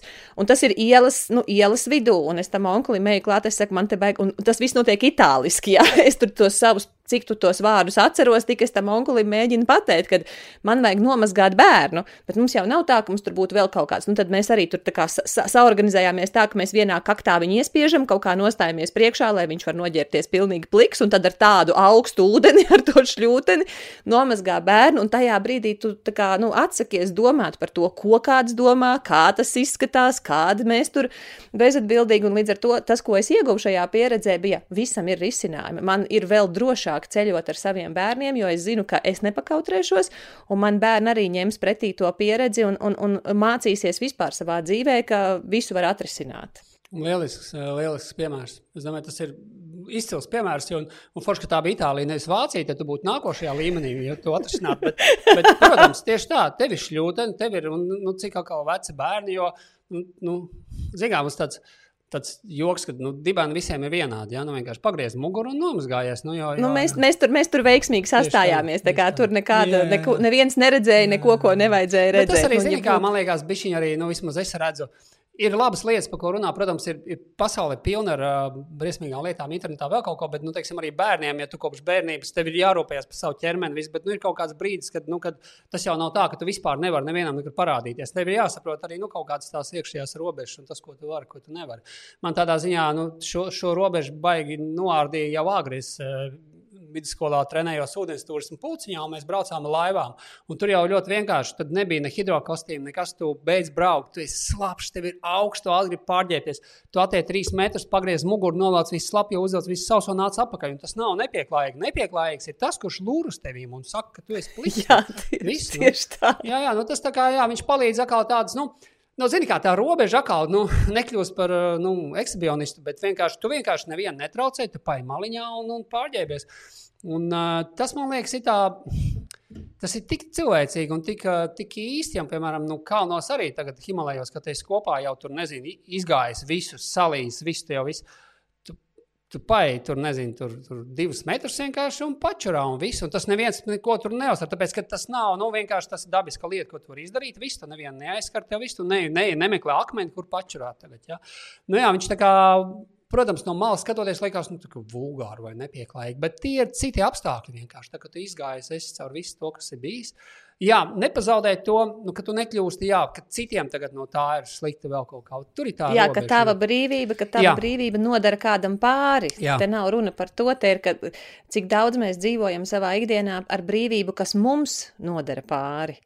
Mm. Tad, bet tas, ka es tagad taisu vaļā to savu brīvību, kad man tagad ir vairāk iespēju, tas nenozīmē, ka man tagad kādam ir reāli jāizdara pāri. Bet, nu, kā, piemēram, man liekas, ka viena tāda uh, kultūra šoka lieta, ko es daudz redzēju ar latviešiem, tad, kad viņi sāka pie manis braukt uz Šveici, bija, kad kā nedrīkst taču ēst sabiedriskajā transportā. Nu, nedrīkst, tāpēc, ka, nu, kāpēc, tāpēc, ka nedrīkst. Nu, nedrīkst un viss. Un tad mhm. otrs bija, kad man paskaidroja, nedrīkst, jo citiem arī gribēsies. Nu, kā, ja viņiem gribēsies, nu, tad viņi sarūpē sev to ēd, ēdienu. Nu, kā, tas ir ļoti laipni, ka tu domā par cilvēkiem, bet tu vienlaicīgi arī aizmirsti, ka tas cilvēks arī var parūpēties par sevi. Nu, tad viņš izkāps nākošā stacijā, nopirks sev kaut ko ēdam un ies tālāk savā darīšanās. Nu, nav tā, ka viņš tur badā būtu bijis pusgadu, un tāpēc es nedrīkstu uh, tagad ēst sabiedriskajā Jā, nu, transportā. Nu, tas ir kā tas pretējais piemērs, tu kā ar to iejūtību vai empātiju, tā kā citiem nogriez iespējas, jo tu domā, ka, nu jā, nu, katram bija kaut kādā, nu, ir tāds. Es, Es to saucu par tādu nu, pozitīvu egoismu. Kaut kādā brīdī tev jāieslēdz tās savas vajadzības, un kad tu vēl viņas ieslēgsi, ja, bet nu, nedarot citiem pāri. Bet, bet eh, jā, jā, tas, tā, tas, tā, tas ir labs. Man, man liekas, bija labs piemērs, tikko atnāca par, tā, ka mēs bijām Portugālē, mēs divām divus gadus ar ģimeni Portugālē. Tur bija tā pretējais, ka tu aizbrauc uz to zemi, un tev ir kaut kāda tā sava pieredze, ko tu viņiem kā, nu, kā iepazīstini. Vai, vai, nu, nu, jā, bet mēs viņiem uzspiedām, bet tas bija iemesls, jo tā bija mūsu māja. Jo, redz, Portugālē ir kā. Um, uh, ietves ir, uh, nu, pārsvarā viņas nav, nu, viņas ir smilšainas, bet tur, teiksim, suņi, nu, tur suņi tur dara to, ko viņiem jādara, cik viņi grib. Neviens nevāc, neviens. Nu, tur viss ir aizkāpts tās ietves, vienkārši runājot. Bet tajā pašā laikā mājās viņi staigā ar papaviem. Viņi nepārvalk apavus. Un mums, zināmā mērā, Latvijā dubļi viss skaidrs, ka mūsu mājās mēs novelkam apaus, staigājam ar zeķiem. No nu, es negribu staigāt tur. Un vietējie nāk, un mēs viņiem sakām, labdien, mūsu mājās vēl nav apaus. Viņi tā kā, o kā? Es nu, tāpēc, ka nu, tur izstāsta to, to pamatkonceptu, varbūt par suņiem vēl kaut ko. Un tad viņi, nu, tāpēc, ka tā ir mūsu māja, tās mūsu vajadzība pēc kārtības. Jo, jo piemēram, arī bērnu dārzā tur ir tā, ka visi bērni aiziet ar, ar tiem apaviem, kā aiziet un viņi viņus nepārvalk. Viņi ar tiem visiem apaviem vazājās tur pa visiem spēļu laukumiem, pa visu. Padomājiet par to bakterioloģisko fonu. Nu, viņš ir ļoti trenējošs tiem bērniem. Ja? Nu, tā, tā kā tu dažreiz kā, tev ir tā pieredze, kuru tā kā, tu vari ielikt, jo tev viņi ir svarīgi. Ja, teiksim, un tā otra puse, tā kā, kā šitā. Nu. Nu, tā ir interesanti. Man ir Ātri vēl viens tev stāsts, es tagad vienkārši, neaizmirstu. Mēs arī runājām par to, ka vēl viens tāds atziņa, kas varētu būt noderīga cilvēkiem, ka ir tāds teiciens, noteikti jāiegūlē, kurš gudrais to ir teicis, ka visas nelaimes radās no salīdzināšanas. Un, uh, tas ir tad, kad mēs gribam nu, lietas salīdzināt. Tas nāk baigi dabiski visiem. Un, protams, ja tu gribi nezinu, uzlabot produktu, tas ir vajadzīgs. Ja? Bet, piemēram, es nezinu, nu, tur, um, tur šodien ir nesmukāks saulrietis kā vakar, ja? vai šodien tur ir augstāks kā vakar. Nu, labi, augstāks tā varbūt neveiksmīgs piemērs, bet nu, kā ir, tā ir. Tā ir daba, viņa šeit ir, viņa ir unikāla. Ja? Un dažreiz, kad mēs tās lietas tā salīdzinām, mēs arī kā, varbūt um, neieraugam kaut kādu iespēju Un, nu, iespējams, arī pa ēdienu, ja, kas ir kombinējās varbūt, jau ar to pretenziju pret dzīvi. Nu, ka tu kaut ko nedabūji tik labi, tu uzreiz saki, tur, tur bija sliktāk, vai tur bija labāk, vai, vai tu saki, nu, no desmit balēm šitās ir piecas. Bet, ja tu esi, piemēram, kaut kādā kalnu ciematā, nu, kādas tur balvas, tu labi, ka vispār dabūji kaut ko paēst. Ja? Bet, bet tā kā viņš tā kā nāk dabiski, un tajā iespējams, ka nav nekas slikts, Bet man liekas, tev pašam, tu pats sev iegradēji, tagad nu, šis nebija tik labi kā vakar. Nu, un, jā. bet tas piemērs ir, es nezinu, vai viņš te iedarēsies, bet mēs no pēdējā ceļojuma uz Nepālu mēs nonākam lejā uz, uz uh, ciematiņu. Un skaidrs, ka turisti tur nav. Nu, tur bija ļoti maz turistu, jo bija Katmandu Krievi, un nedaudz, man liekas, arī bija viena vai divas latviešu grupas, bet viņi dzīvoja Katmandu. Un nav, nav turismu, tā kā nav turismu, nav arī nu, teiksim, taksometru un tā tālāk, jo nav jau ko vest. Un mēs nonākam lejā, un mums uh, jāizbrauc no tādas vietas, kas ir Sundara Džala līdz Katmandu, kas ir kaut kāds divas, pusotra stunda. Un mēs nonākam lejā, un nav vispār neviena takša. Mēs esam uh, seši cilvēki. Un es skatos, stāv nu, maršruta autobusu, kas ir forši. Nu, sakot, nu, mēs aizējām, nu, es kā grupas vadītājs, man jāsamanģē, man arī patīk. Un es aizēju, viņam saku, nu, mums vajag atbraukt Katmandu. Viņš saka, jā, bet zini, kā tur autobus brauks, tā ka viņš būs pilns. Un tas nozīmē, ka tu vari ilgi gaidīt. Ja? Bet mēs nevaram ilgi gaidīt, jo mums tajā dienā bija jānodod uh, Covid tests, lai mēs tiktu nu, pie atļaujas un braukt uz lieliem kalniem. Un, uh, es skatos, vēl viens autiņš tukšs. Un es zinu, ka Nepālā ir, nu, ir tāds teiciens, ka Nepālā everything is possible and nothing is possible. Ja? Skatos, vēl viens autobuss aiziet pie ceļiem, saka, klau, ceļi mums vajag atbraukt uz Katmandu. Pat cik jūs mums varētu aizvest ar autobusu? Sešus. Viņi kā mm, kaut ko tur sāk rēķināt, vēl kaut ko. Un viņi pasaka, ciparu, nu mēs tur bijām paņemamies. Nu, tā pamatīdeja, ka nu, akal, nu, tā pieredze, kas te varētu ierobežot, ka Nu, kā tagad mēs varam veselu autobusu noierēt seši cilvēki un aizbraukt pusotru stundu? Tur tas viņš maksās miljonu. Nu, mēs samaksājām, man liekas, pusotra takša cenu mēs sarunājām, samaksājām. Nu, restīvi, tas ir atkal tas man viena no tām mīļākajām tēmām, ja tu nepamēģināsi, neuzzināsi. Un tā kā mēs braucām, vēl es atceros, mums bija viens no grupas dalībniekiem, viņš jau prasīja, viņš jau teica, Patiešām ir tāda cena. Tu esi pārliecināts, ka ir tāda cena. Jo nu, tas prātā tev neliekās, mums ir augsts. Cik mūsu naudā, cik mūsu naudā tas bija? Um, manuprāt, mēs aizbraucām ar to autiņu līdz Katmandu pa kaut kādiem 15 eiro, kas ir pusotras stundas brauciens. Un, un veda jūs visus, tad, kad jums vajadzēja? Jā, tas bija tagad. mūsu autiņš. Mēs bijām seši jā. tikai iekšā. Jā. Jā. Tā, nu tā, tā kā, nu, atkal tev ir, tā kā, tu vari palikt tajā, nu, nu, tas jau tā nenotiek. Bet tu uzprasi, apskaties, sarunā, ja vēl kāds tur, nezinu, tur kaut ko pa, pašķobās, nu labi, tu kaut ko tur. Nu, tā, tādā ziņā, nu jā, tad, tad, tad, tādā ziņā tad, tas Nepāli ir pateicīgi un tur tās. Ja tu nu jā, virzies tajā virzienā, tad lietas jau bieži tur nokārtojās un sakārtojās. Un tā. Nu tā. tu, teici, tu teici par to salīdzināšanu arī par ēšanu. Tu pamanīji, ka ēd un saka, vakar bija garšīgāk. Kā tur bija tas? Jā, nu tas jau, man liekas, nu, tas jau tas ļoti rietumniecisks. Mēs mēģinām nomērīt par to, kā bija un par to, kā ir šeit. Jo, jo es domāju, ka tā, tā sakne tam visam slēpjas tanī, ko sensatīvi nepiedāvā, tas ir servisā. Tu, tu kā meklēsi servisu tur. Nu, tāpēc, ka servis, protams, ja tu atbrauc uz viesnīcu, tur ir zvaigznes.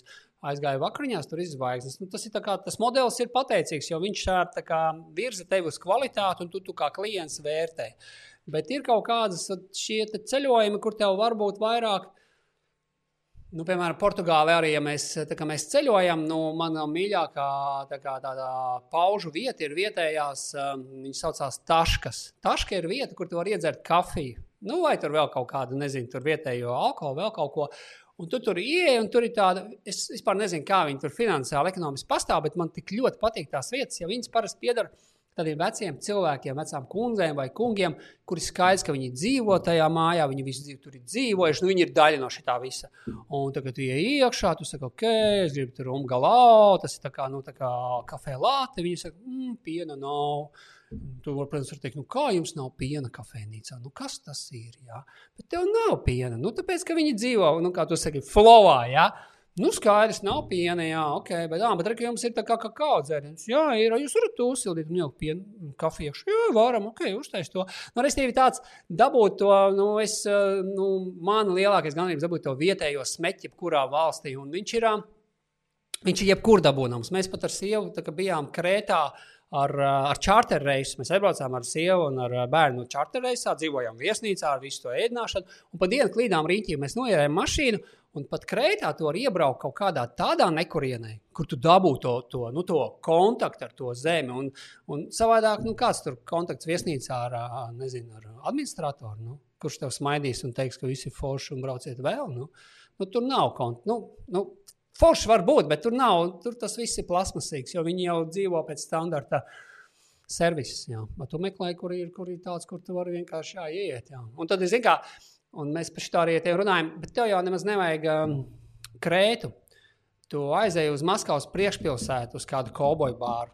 Tur viss būs. Tu iesi iekšā, viss pagriezīsies, apstīsies tevīm labākā gadījumā nu, nedabūs uzreiz pa seju, vai ne? Nu, kā tu uzvedīsies? Bet tur viss ir. Un šis ir tas, ka tu vari dabūt, eh, nu, ko es arī tā kā. Nu, eh, Tu vari dabūt to jebkur. Ir jautājums, vai tu gribi. Vai tu gribi stabilu, drošu, sterilu vidu, kur viss ir paredzams un dabūs to, ko tu gribi. Jā, bet, ja tu gribi kaut ko citu, wow, pasaule ir pilna, jebkur to var atrast. Jā. Tev tikai nu, jāiet un jākontaktē ar tiem cilvēkiem, jārunā. Un, nu tā.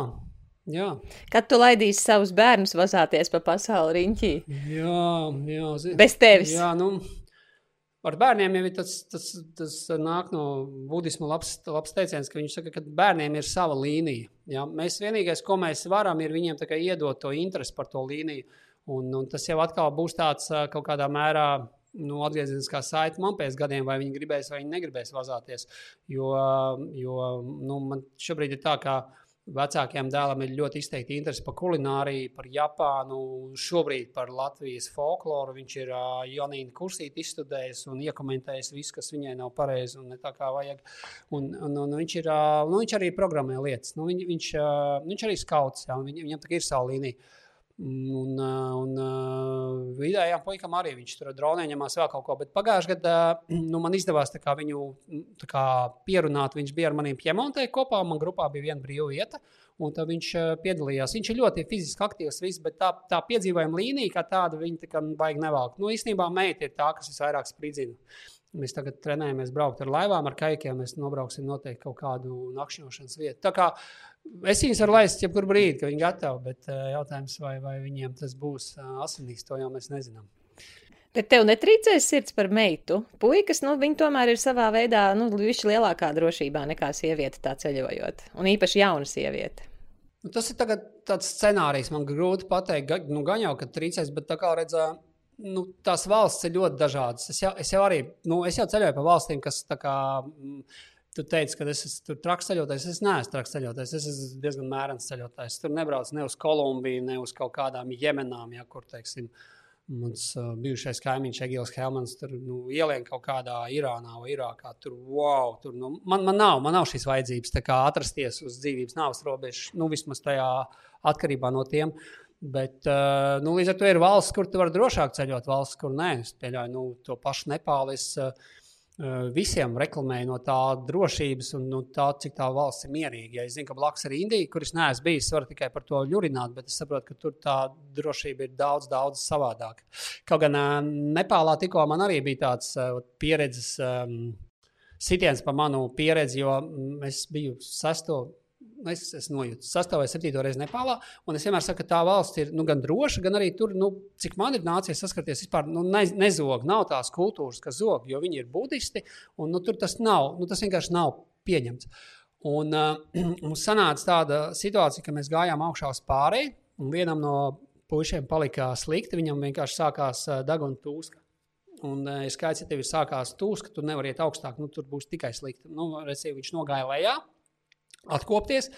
Un, uh, mēs zinājām, ka viņš nāks augšā. Mēs tajā vietā viņam atstājām pārtiku un prīmus. Un viņš nāca pēc tam divām dienām, un tā, tās pakas nav. Saproti? Viņas nav. Un viņš tā kā, kā nav? Nu, tāpēc, ka te nezog. Nu, te vispār nav tādas kultūras, ka te zog. Un nav, saproti. Un tā, tā bija tāda ganu vieta, kur paliek gani. Bet kā bija agrs pavasaris, nu, viņi tur kaut kur riņķī klejoja, bet tur nebija. Un, uh, nu, ir, nu, nav ne tās pārtiks, ne tā prīmus. Dievs ir to pārtika, bet prīmas maksā ap 200 eiro. Nu, mums bija labi, ka bija vēl viens rezervē. Un, un es līdz, šī, līdz šai dienai domāju par to, kas notika. Jo, jo, jo tā zakšana tur nav. Un es, es nesaprotu, kāpēc tas vispār varēja notikt. Mēs arī aizgājām uz vietējo ciemu, nu, tāpēc, ka tur tas prīmas apdrošināšana uzrakstījām pieteikumu. Vietēji arī viss tā, kā. Nu, viņi tā kā redzēja, ka tā, tā nav izlikšanās, tas vienkārši nenotiek. Es, eh, man arī bija visādi scenāriji. Iespējams, ka viņi bija sapratuši, ka mēs to bijām atstājuši viņiem, jo mēs bijām palicis zem tādas plēves, kur viņiem stāvēja malka un viss. Iespējams, ka viņiem likās, ka tas ir viņiem atstāts vēl kaut ko. Es nezinu, nu, man ir daudz versijas, bet, bet tas arī bija. Man, eh, no, to, es vienmēr teicu, nē, tā nezog, viss labi. Tagad man tā kā, nu jā. Kaut kas ir. Bet es joprojām nezinu, vai tā bija zādzība vai, vai, vai, vai es nezinu. Nu, saprotu, šis ir tas interesantais. Ka, Jā. Valdi, tagad, kur tie, kas grib ar tevi doties piedzīvojumos, kādas viņiem izredzes ir ar tevi kaut kur aizdoties un kur to redzēt? Nu, izredzes ir viss. Mums, uh, mums ir baigts skaidrs tests, un man tikko Nepālā mēs to testu uzlabojām. Visi tie, kas grib doties ar mums piedzīvojuma ekspedīcijās, pirmais ir, vai jūs, vai jūs tam kvalificējaties. Un uh, kvalifikācijas normatīvs bija tāds, ka, uh, ja jūs varat uzkāpt līdz piektajam stāvam bez aizdusas, nu, tad jūs varat. Un nu, Nepālā man meitenes pamatot iedeva feedback, ka šis kvalifikācijas standarts neiztur kritiku, jo mums bija sniegs un bija pārējie un bija, nu, bija krietni smagāk. Nebija plānots. Un tad, ja grib doties uz Nepālu, tad jāvar uzkāpt līdz 9. stāvam bez aizdus un jā, jānodarbojas ikdienā ar nu, kaut kādām fiziskām aktivitātēm. Un, nu, protams, tev liekais svars, tev būs krietni grūtāk to visu izdarīt. Nu, un informācija viss ir sensitīva mājaslapā, kur ir piedzīvojuma ekspedīcijas. Šobrīd ar šiem laikiem viss ir tā ļoti nestabili, bet mēs esam ieplānojuši, mēs dodamies uz Itāliju, uz Piemonti. Eh, Ziemeļitālija ļoti smēķīga vieta, dzīvojam kempingā, jo tur pēc likuma tā ir. Un pāris naktis arī pa krūmiem, nu, lai dabūtu to garšu. Un tas ir no 3. līdz 11. jūlijam. Un tad mēs pēc tam apakaļceļā braucam caur visu Eiropu ar, un kāpjam pa vietu feratām.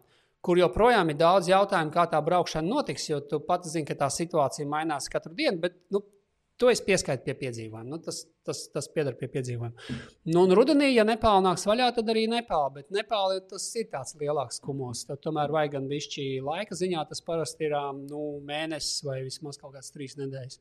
Un, nu jā, par Nepālu vairāk ir atsevišķa mājaslapa, Nepālas Himalaya.CLV, kur vairāk tieši Nepālas tematiku var redzēt. Tad, tad Nepālas Himalaya.CLV. Ja? Mhm. Tie, kas, tie, kas ir sajutuši, ah, es, man, liek, man gribas kaut ko tādu labu izdarīt sev, es ļoti rekomendēju šo te Itālijas Piemontes braucienu. Tā pati vide ir fantastiska, un tas, ko valdes vēl piedāvā atpakaļ ceļā šo te braucienu par Via Ferrata, varbūt pastāst tiem, kas nezin, kas ir Via Ferrata. Um, ja vien Ferrari iegūlē, tad, tad izlaiž ārā dzelzceļš. Nekas labs neizlaiž. Uh, jo tulkojumā Via Ferrari tas arī nozīmē dzelzceļš. Bet viņi, manuprāt, vēsturiskais stāsts ir tāds, ka agrāk, lai, man liekas, kara laikā vai kā, lai varētu starp kaut kādām klints daļām tur kursēt armīnieki, tad viņi sasita klintīs vienkārši stiprinājumus un nostiepa troses. Tad varēja vienkārši tā, turoties pie tām trosēm un drošinoties nonākt no punkta A līdz punktam B. Un šobrīd visi Alpi un Eiropa ir uh, pilni ar tiem vietu maršrutiem, kuri ir sarežģītāki vai mazāk sarežģīti, ka tu ar sistēmu un tādām divām drošināšanas sastēm, nu, tā kā viru pārkārtām, tādām, tādām divām drošināšanas sastēm, tu vari faktiski kāpt pa vertikālām sienām un dabūt visu to sajūtu, kas ir alpīnistiem un kliņškāpējiem īstajiem. Nu, bet tu esi piedrošinājies, tur vajag joprojām fizisko, fizisko spēku, jo tur parasti kā pa kāpnītēm un tā.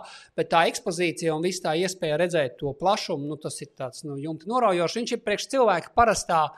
Ļoti labs sākums, lai vispār iepazītos ar tām tehniskām lietām. Un, kā jau saku, jebkura šī aktivitāte, jums ir šīs fiziskais stāvoklis, jūs brauciet pie mums, mēs jums iedosim uh, visus tehniskos pamatus, un ne tikai pamatus, bet pēc tam palielam jūs paši varēsiet ceļot un to darīt, jo mēs iedosim to, nu, to prasmi, kas ir tas standarts, lai visi būtu droši un veseli.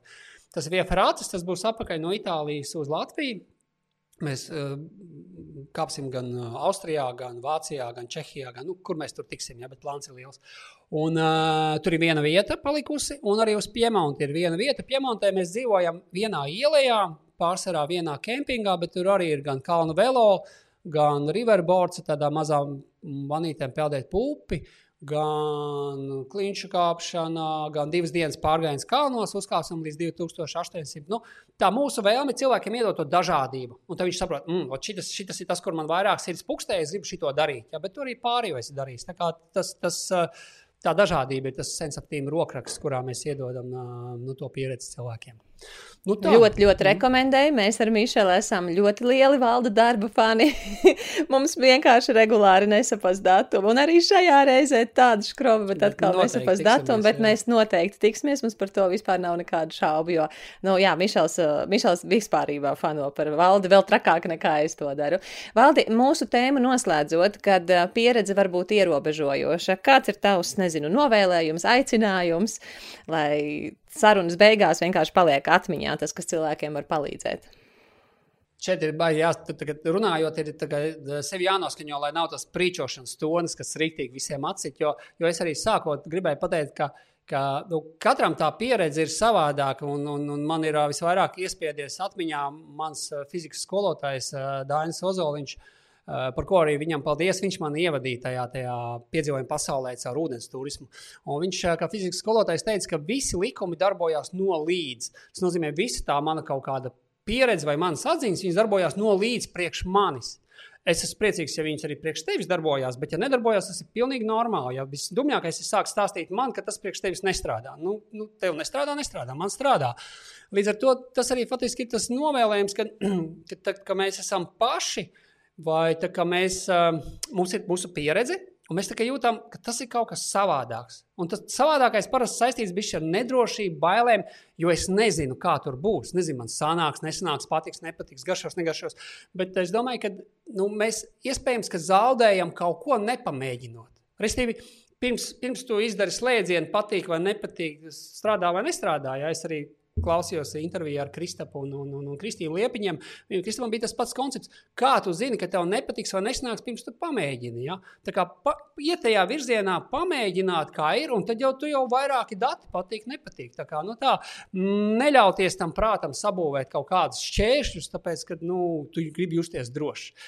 Jo esot, esošajā pieredzē, protams, tu visu laiku nu, jūties droši. Un par esošo pieredzi man ir vēl viens tāds nu, teiciens, kas nav mans, bet kaut kas izlasīju, viņš man liekas ļoti trāpīgi šo raksturo. Trāpīgi.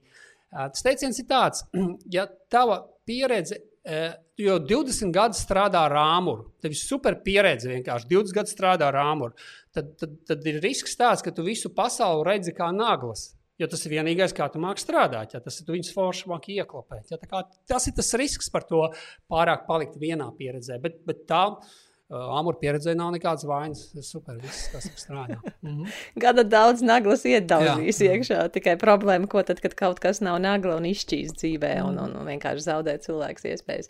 Valdi, milzīgs tev paldies par stāstiem, ko šodien mums piedāvāji un par tavu pieredzi. Un, ai, kā tu man to āķi lūpā aktivizēji šobrīd uz to, kā man gribās atkal kaut kur doties. Tas nekas, ka es vakardien jau biju piedzīvojumā, ja? man tagad man vajag vēl kaut kur.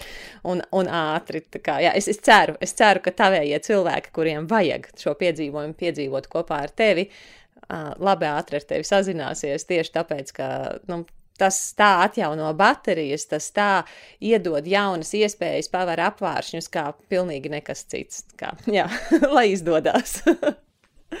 Paldies! Paldies, Laura! Jā. Paldies un, un, un tiekamies! Jā, tā kā, tā kā piedzīvojam, jā, jā mums visiem apkārt galvenais pašiem viņus ieraudzīt un doties tajā virzienā. Super. Paldies! paldies, paldies.